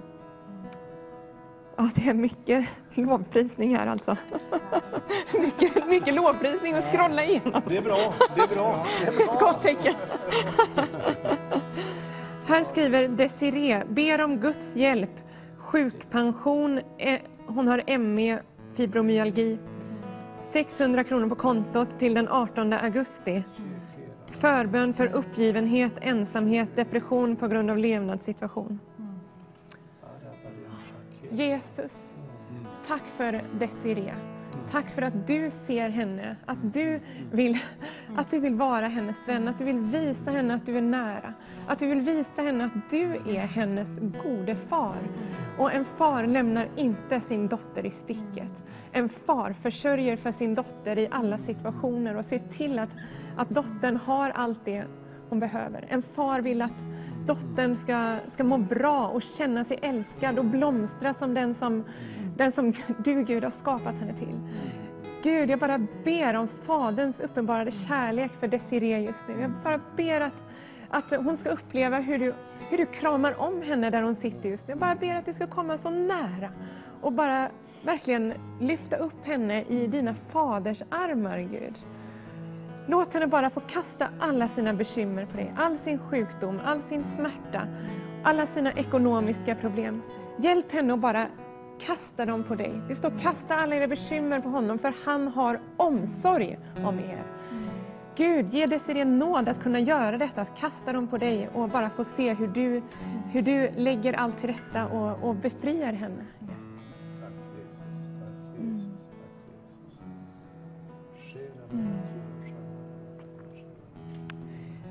Bitte skriver, tack Jesus att du är med Renate, min dotter, ikväll på sjukhuset. Nyopererad för brännskador. Ber om helande från smärtor och ångest. Ber för hennes barn som är ledsna. Mm. Ja, Herre, jag tackar dig att vi får eh, be för Renate just nu. Jag tackar dig för operationen som just har ägt rum, att du, du var närvarande i eh, operationssalen. Eh, jag ber nu här att helande bara från himlen ska få komma och röra vid hennes hud, hennes skinn, hennes, de här brännskadorna. Vi talar helande och läkedom till, till hennes hud. Var helad i Jesu namn. Smärta, ge vika i Jesu namn. Jag tackar dig att du är närmare henne än tåren på hennes kind. Och eh, just nu Herre så, så talar du till henne också Herre. Du, du uppenbarar dig för henne. Uppenbarar vem du är. Din goda vilja för hennes liv. Och du ser hennes barn och du ser nära och kära alla som är runt omkring. Du, du rör vid dem ikväll också. Du omsluter dem. Du går med dem och vi vi bara ber om ett snabbt tillfrisknande nu från detta. I Jesu namn. Maria skriver bara, jag vill ha förbön. Tack Jesus. Vi tackar dig Herre för att du ger den heliga Ande utan att mäta Herre. Och du, du öppnar dina armar och till välsignelse och godhet som får flöda över hennes liv. Du känner henne och vi bara ber om en beröring ikväll. Vi ber Herre att det som du har talat över hennes liv redan i moderlivet, Herre, att det skulle få gå i uppfyllelse. Och vi ber att hon skulle få, få kraft, Herre, att gå den väg som du har utstakat. Vi ber om uthållighet och vi ber att du får fylla henne med din kärlek så att hon kan hålla fast vid ditt ord, hålla fast vid den plan som du visar henne och att hon kan få ge det som hon har fått ta emot av dig vidare. Så bara kom Herre heliga Ande och fyll henne i den här stunden. Vi ber i Jesu namn. Karina skriver önskar förbön i att få slippa verken och att jag ska få möta kärleken.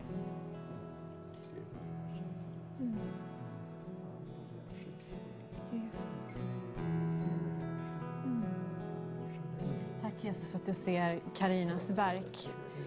Tack för att du kommer med läkedom in i den situationen, Herre. För att du är vår överste läkare, överläkare, Herre. Tack för att du också ser hennes ensamhet och hur hon längtar efter någonting eh, djupare, någon, någon att älska, Herre. Tack för att du är kärlekens Gud, Herre. Att du ser alla våra behov innan vi själva ens har förstått att vi har dem, Herre. Eh, du har älskat oss före vi älskade dig, Herre. Så tack för att du ser hela Karinas situation och bara omsluter henne ikväll. Och får, att hon får känna att hon är buren och sedd av dig. Amen.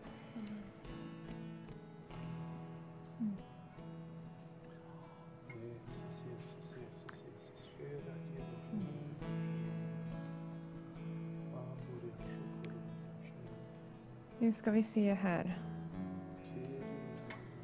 Marianne skriver eh, tacksam. Ber för en kvinna som behöver befrielse och helande. Ja, jag tror hon är tacksam om vi ber för en kvinna som behöver befrielse och helande.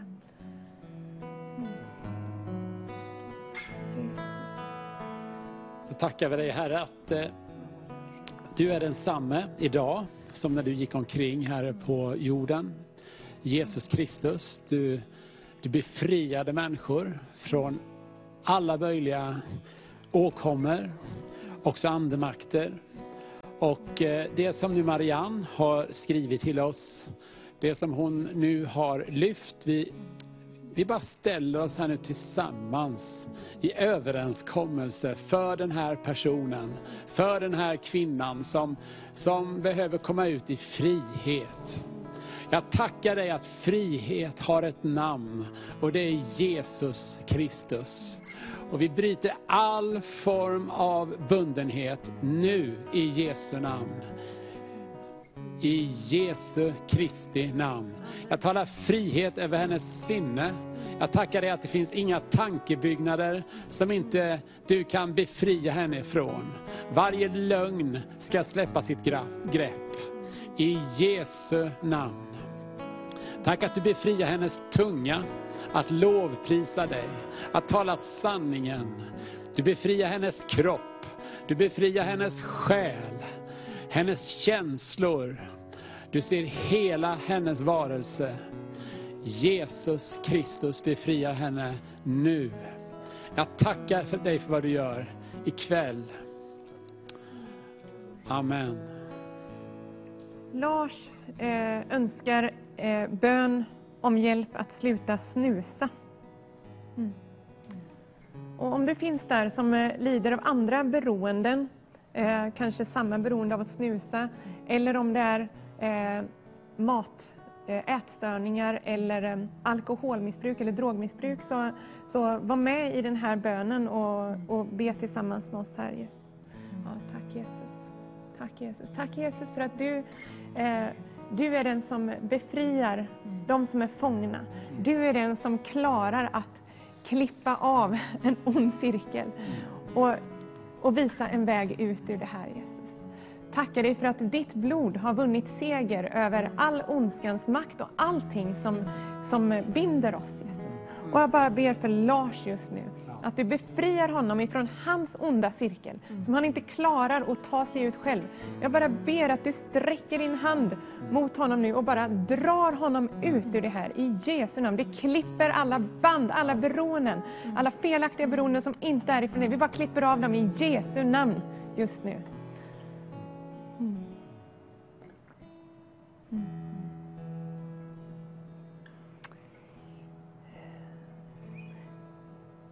Miriam skriver, be för mig, jag har gjort en konvertering på hjärtat idag och jag har gjort det ett antal gånger. Hoppas att det som är gjort idag ska få vara bra.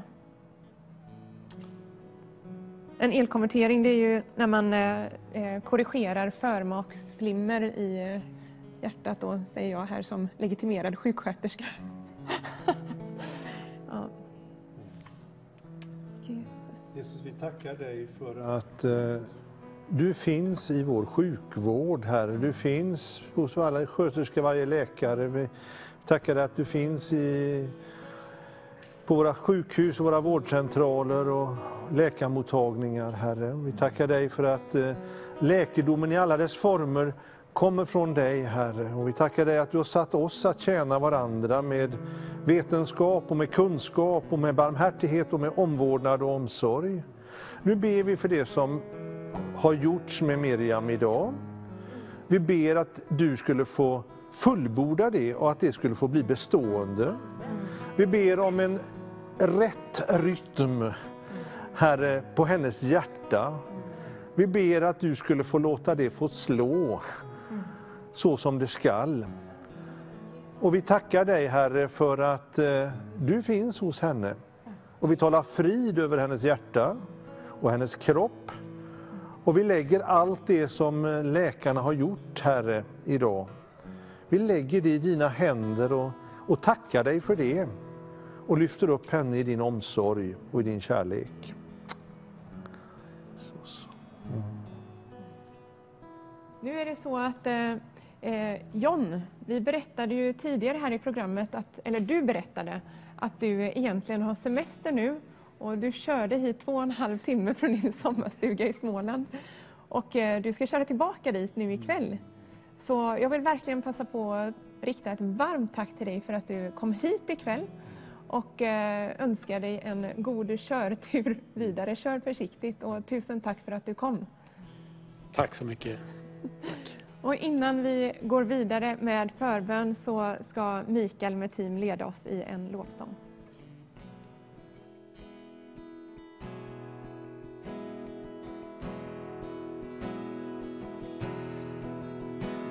Är kärlek och liv. Du ger ljus mitt i mörkret. Du ger hopp.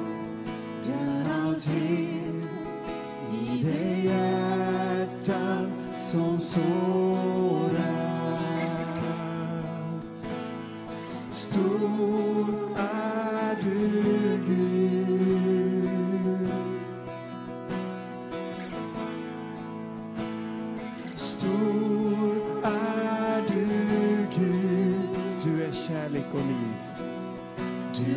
är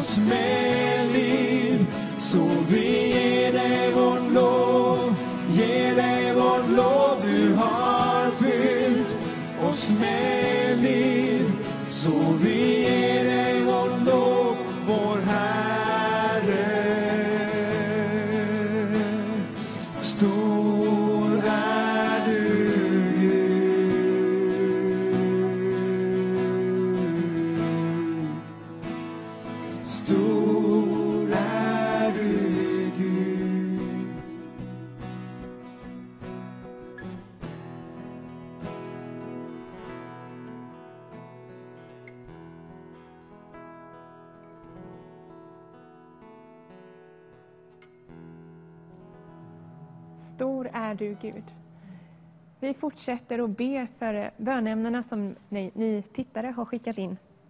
Helene skriver, be gärna för mina föräldrar som är sjuka och svaga med mycket smärtor. Jesus, jag tackar dig för att det står i ditt ord att vi ska be att ditt rike ska komma och din vilja ska ske på jorden så som i himlen. Och i himlen, där kan vi läsa i ditt ord att det finns ingen sjukdom och det finns ingen smärta. Så Jesus, jag bara ber att ditt rike, att Faderns rike ska få komma till eh, Helens föräldrar just nu. Och oavsett om de är gamla Jesus, så bara ber att du kommer och fyller dem med friskt liv. Jag ber att du tar bort och befriar dem från deras krämpor. Jag ber att din kraft ska komma över dem just nu och, och, och lätta. Jag ber att din kraft bara ska strömma genom hela deras kropp och, och lämna frid efter sig. Förlös din frid över Helens föräldrar. I Jesu namn. Mm.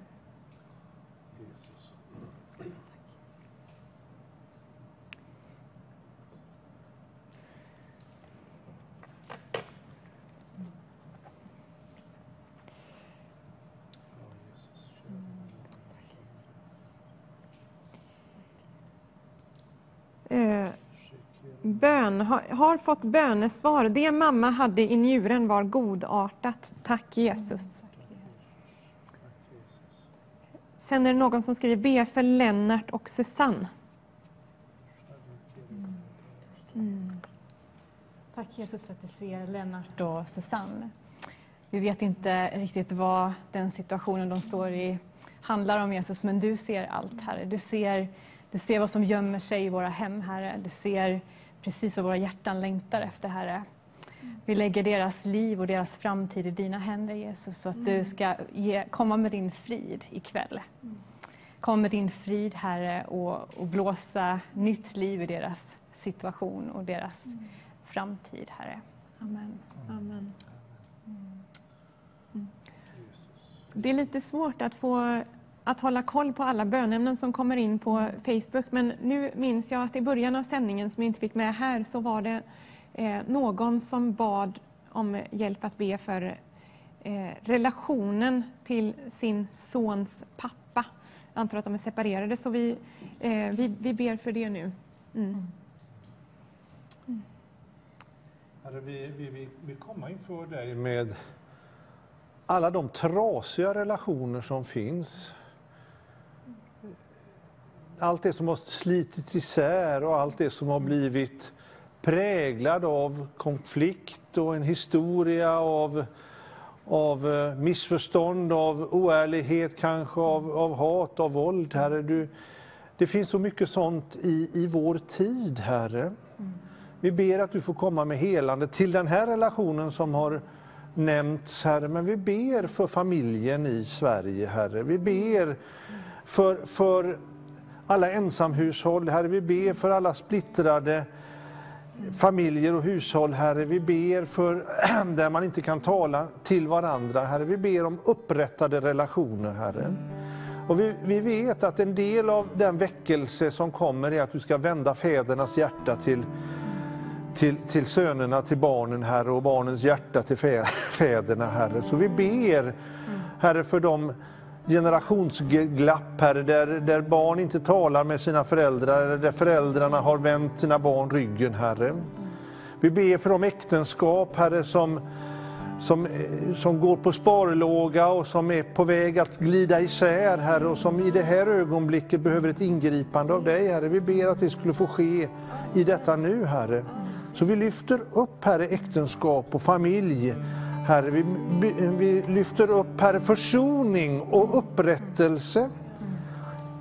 Och vi ber, Herre, om ditt, eh, ditt kärlekens beskydd över de nära relationerna, Herre, som vi har talat om ikväll, Herre. Jesus. Jesus, Jesus. Här är det någon som skriver, be att Gud helar ställen på mina tänder där jag har syra och borstningsskador. Det fastnar så mycket när jag äter. Även att tandköttet växer över blottade tandhalsar. Tror på mirakler. Tack. Mm. Jesus.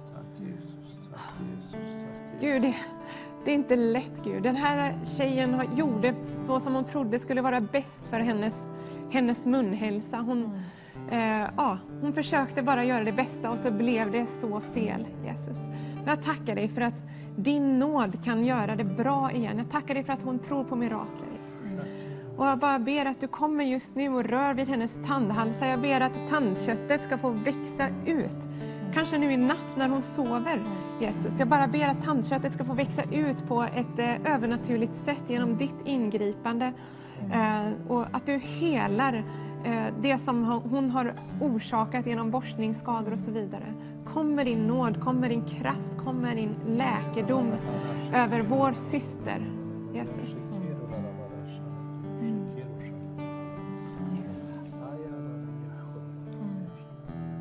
En syster i Herren kämpar i bön för sin kristna dotter. De har inte träffats på ett år. Dottern bygger murar för att skydda sig själv. Hon älskar sin mamma, men styrs av något mörker som får henne att stänga ut sin mamma. Båda är kristna. Thea, vill du be för det? Du som vet hur det är att kämpa själv i mörker. Mm. Tack Jesus. Hade hon något namn? Nej, Nej. en syster i Herren. Tack Jesus för att du ser den här, den här tjejen här som kämpar med, med kanske det mörkaste mörker här och som ropar efter dig. Eh, tack för att du kan göra det som du gjorde i mitt liv, att du helar och gör mirakel på ett sätt som läkare inte förstår, Herre. Tack för att du överraskar eh, ständigt, Herre. Och jag ber att du ska eh, lysa in med ditt hopp i den här situationen hon står i, Herre. Och att mamman och den här tjejen ska få en, en upprättad kontakt och relation, Herre. Tack för att du står över alla, alla de här situationerna som kan tyckas omöjliga i våra ögon, Herre. Och det kan kännas som att det, det dröjer så länge innan du svarar, Herre, men tack för att du inte viker en enda sekund från henne. Du står vid hennes sida hela tiden, Jesus. Tack för att du har båda de här eh, tjejerna, kvinnorna i din hand, Herre. Och att de redan vandrar med dig, Herre.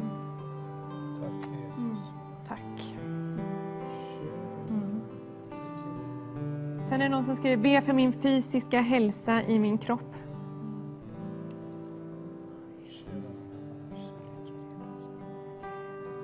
Herre, Det är många som har sett på, på konferensen ikväll, Herre, och som eh, önskar, hoppas, kanske inte vågar hoppas om ett mirakel, om ett helande till, till kroppen, Herre. Men vi vill be för den här personen, men vi vill också be nu för var och en som som hör och som är med i bönen och som innesluts i bönen om fysiskt helande, Herre.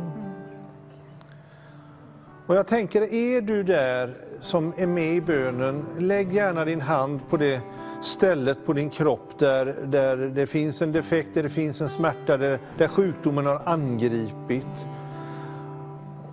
Och Jesus, jag ber att du i det här ögonblicket, i den här stunden skulle få låta din kärlek strömma genom varje hand med läkedom och med, med upprättelse. Vi ber att din kärlek skulle fördriva smärta. Vi ber Herre, där det saknas ämnen i kroppen eller där det saknas delar i kroppen, där, där liksom funktionen inte finns. Vi ber att du skulle få skapa nytt, Herre. Vi ber om fantastiska under därför att du älskar. Så nu bara ber vi att smärta ska få gå. Vi ber Herre att eh, sjukdom ska få ge vika i Jesu namn. Och tack för att du blev människa och gick omkring ibland oss. Och tack för att vi får vara din kropp här och nu. Och tack för att du använder våra händer till att förmedla läkedom, inte bara till andra utan också ikväll nu till oss själva, Herre. Så Herre, rör vid oss var och en. Jesus. Tack för underbara vittnesbörd, skriver Mats. Be för mig att jag tar mig ända in i Guds vilja med mitt liv. Jag är en som misslyckades flera gånger men är nykter idag. Be för mig och fem utropstecken på det. Mm. Tack Jesus. Tack Jesus. Tack för Mats, Herre. Tack för, för alla segrar i hans liv, Herre. Och tack för att han har fått komma tillbaka och börja om, Herre. Tack för att det gäller så många av oss, eller allesammans av oss, Herre, att vi får vi behöver inte ge upp här, utan vi kan få börja om på nytt, Herre. Vi kan få ställa oss i din vilja på nytt ikväll, Herre. Och vi, vi får ställa oss i din befrielse och vi får ställa oss i din läkedom.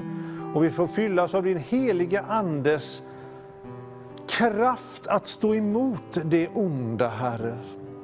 Så vi tackar dig, Herre, för Mats och vi ber att hans vittnesbörd också skulle få styrka var och en av oss. Tack Jesus verkligen längtar efter, efter mer. Han känner att du har mer för honom och det är klart du har det. Jag bara ber att du ska eh, befria honom från allt som ligger i vägen och bara ta honom verkligen ända in i din vilja och din plan för hans liv här på jorden. Mm. Tack Jesus. Tack för Mats. Mm. Be för svåra rygg och magproblem. Jag behöver hjälp. Kvinna som älskar Jesus.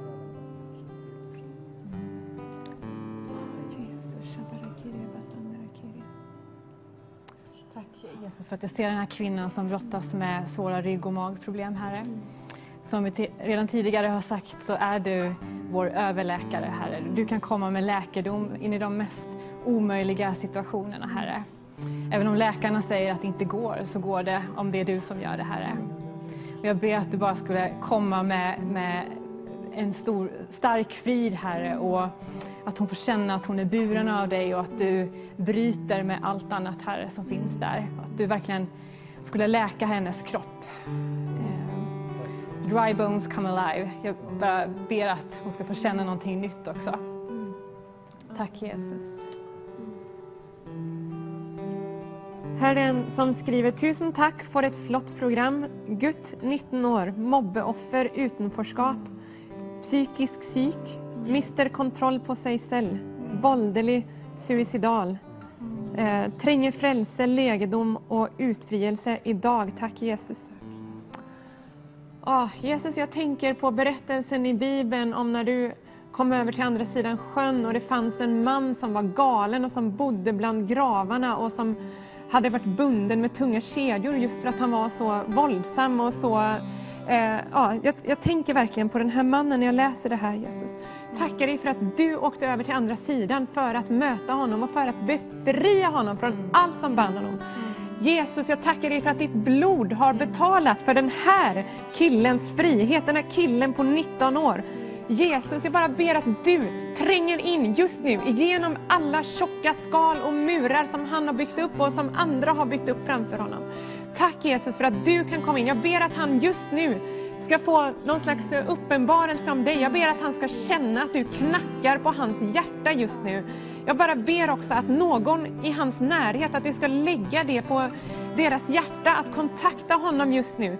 Idag är befrielsens tid. Idag är tiden för den här killen att bli befriad i Jesu mäktiga namn.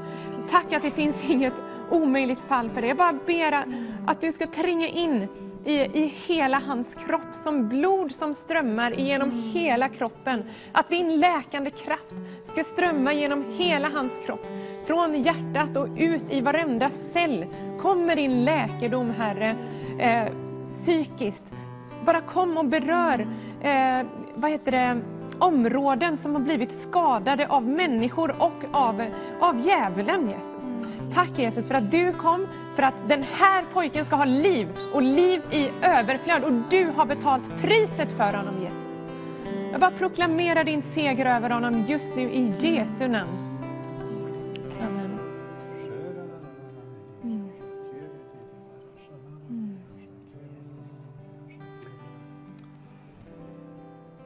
Mm. ikväll så har vi också talat, eh, John fick tala om väckelsen som har varit under 1900-talet, Herre. Och vi, vi är i ett år av bön nu, Herre, i Sverige 365. Och det är många rör, rörelser över, över vårt land där, som samlas i bön för väckelse i vårt land. Och jag skulle verkligen vilja be, ta tillfället i akt att vi får be tillsammans att låt ditt rike komma över Sverige, och över Norge och över Norden, Herre.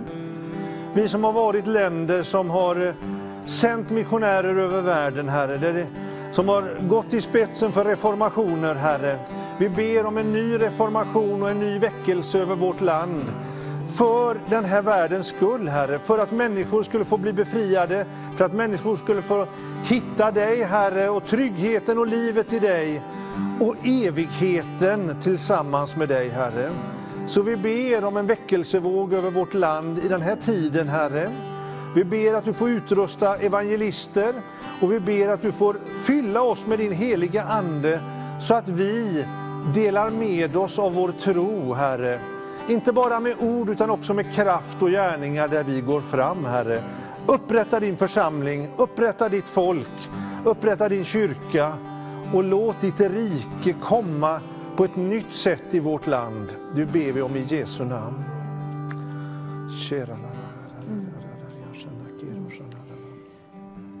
Anonym kvinna önskar en livskamrat. Hennes syster behöver ett helande mirakel, hjärta, lungor och galla, buk. Dotter ska opereras imorgon. Be att operationen går bra eller att Gud helar henne före operationen. Be för systerns och dotterns frälsning. Mm. Mm. Mm. Ja, Gud, jag tackar dig för att du bryr dig om eh, liksom, eh, eh, hela människan. Du bryr dig om hela den här människan och, och alla människor runt omkring Jesus. Jag tackar dig för att du inte bara zoomar in på en enda sak, utan vi ser i Bibeln hur du verkligen älskade hela människan och botade sjukdom och, eh, och befriade från, från demoner och, och, och beroenden och, eh, och frälste, gav hopp och helade inre, alltihop. Och jag bara ber för den här eh, kvinnan, att du bara ska möta henne på alla områden i hennes liv. Och du ser den här eh, önskan om en livskamrat. Tack Jesus för att du, vi är skapade för att ha en livskamrat. Du sa det är inte gott för mannen att vara ensam och då hade han ändå dig Gud. Då hade han ändå dig, men det var inte gott att vara utan den här livskamraten. Och jag ber för den här eh, kvinnan att hon ska få den livskamraten. Jag ber att du ska föra dem samman Jesus. Tack för att du har makt att göra det. Och vi ber om det i Jesu namn.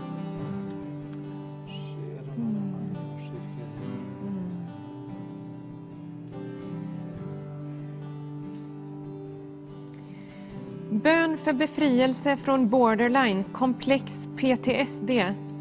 Ett hem utan angrepp och terrorisering från granne. Att inte leva i ensamhet.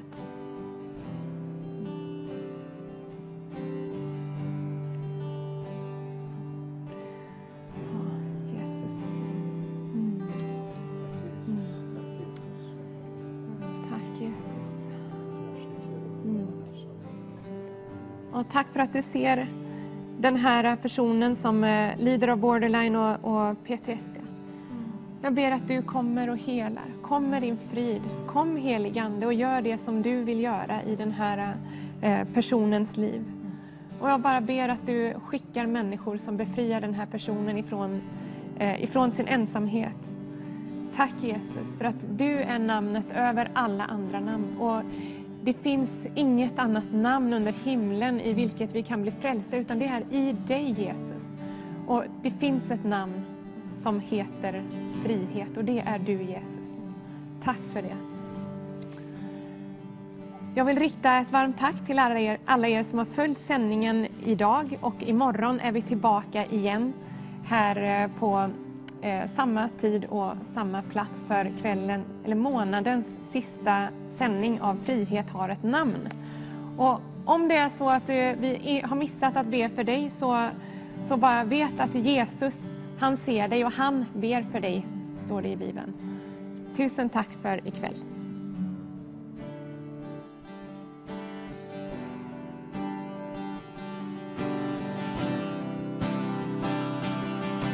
Sonen är fri, han är verkligen fri. Sonen har ju fri, han är verkligen fri. Sonen har ju fri, han är verkligen fri, han är fri. Sonen har ju fri, han är verkligen fri. Sonen har ju fri, han är verkligen fri. Sonen har ju fri, han är verkligen fri, han är fri. Sonen har ju fri, han är verkligen fri. Sonen har ju fri, han är verkligen fri. Sonen har en fri, han är verkligen fri, han är fri.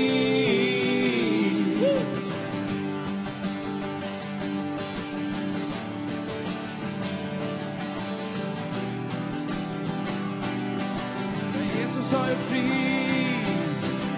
Jesus är fri, han är verkligen fri. Jesus har ju fri, han är verkligen fri. Jesus har ju fri, han är verkligen fri, han är fri. Jesus har är fri, han är verkligen fri. Jesus har är fri, han är verkligen fri. Jesus har är fri, han är verkligen fri, han är fri.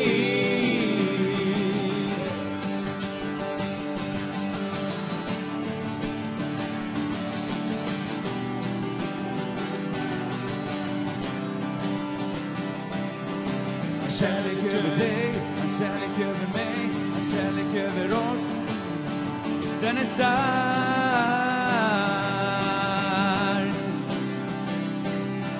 Hans kärlek över dig, hans kärlek över mig, hans kärlek över oss. Den är stark. För den sonen har en fri. Den sonen har ett fri, han är verkligen fri. Den sonen har ett fri, han är verkligen fri. Den sonen har ett fri, han är verkligen fri, han är fri. För sonen har ett fri, han är verkligen fri.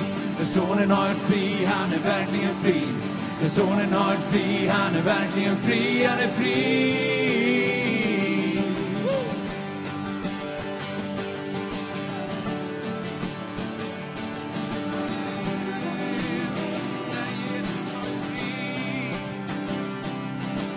Jesus har ju fri, han är verkligen fri. Jesus har ju fri, han är verkligen fri. För Jesus har en fri, han är verkligen fri. Du är fri. Jesus har en fri, han är verkligen fri. Jesus har en fri, han är verkligen fri. Jesus har en fri, han är verkligen fri. Han är fri. Du är fri. Jesus har gjort dig fri. Jesus har gjort dig fri. Jesus har gjort dig fri. Jesus har gjort dig fri. Jesus har gjort dig fri. Jesus har gjort dig fri. Så sjung med, Den sonen har gjort fri. Sonen har gjort fri, han är verkligen fri. Sonen har gjort fri, han är verkligen fri. Sonen har gjort fri, han är verkligen fri, han är fri. Sonen har gjort fri, han är verkligen fri. Sonen har gjort fri, han är verkligen fri. Sonen har ett fri, han är verkligen fri. Du är fri.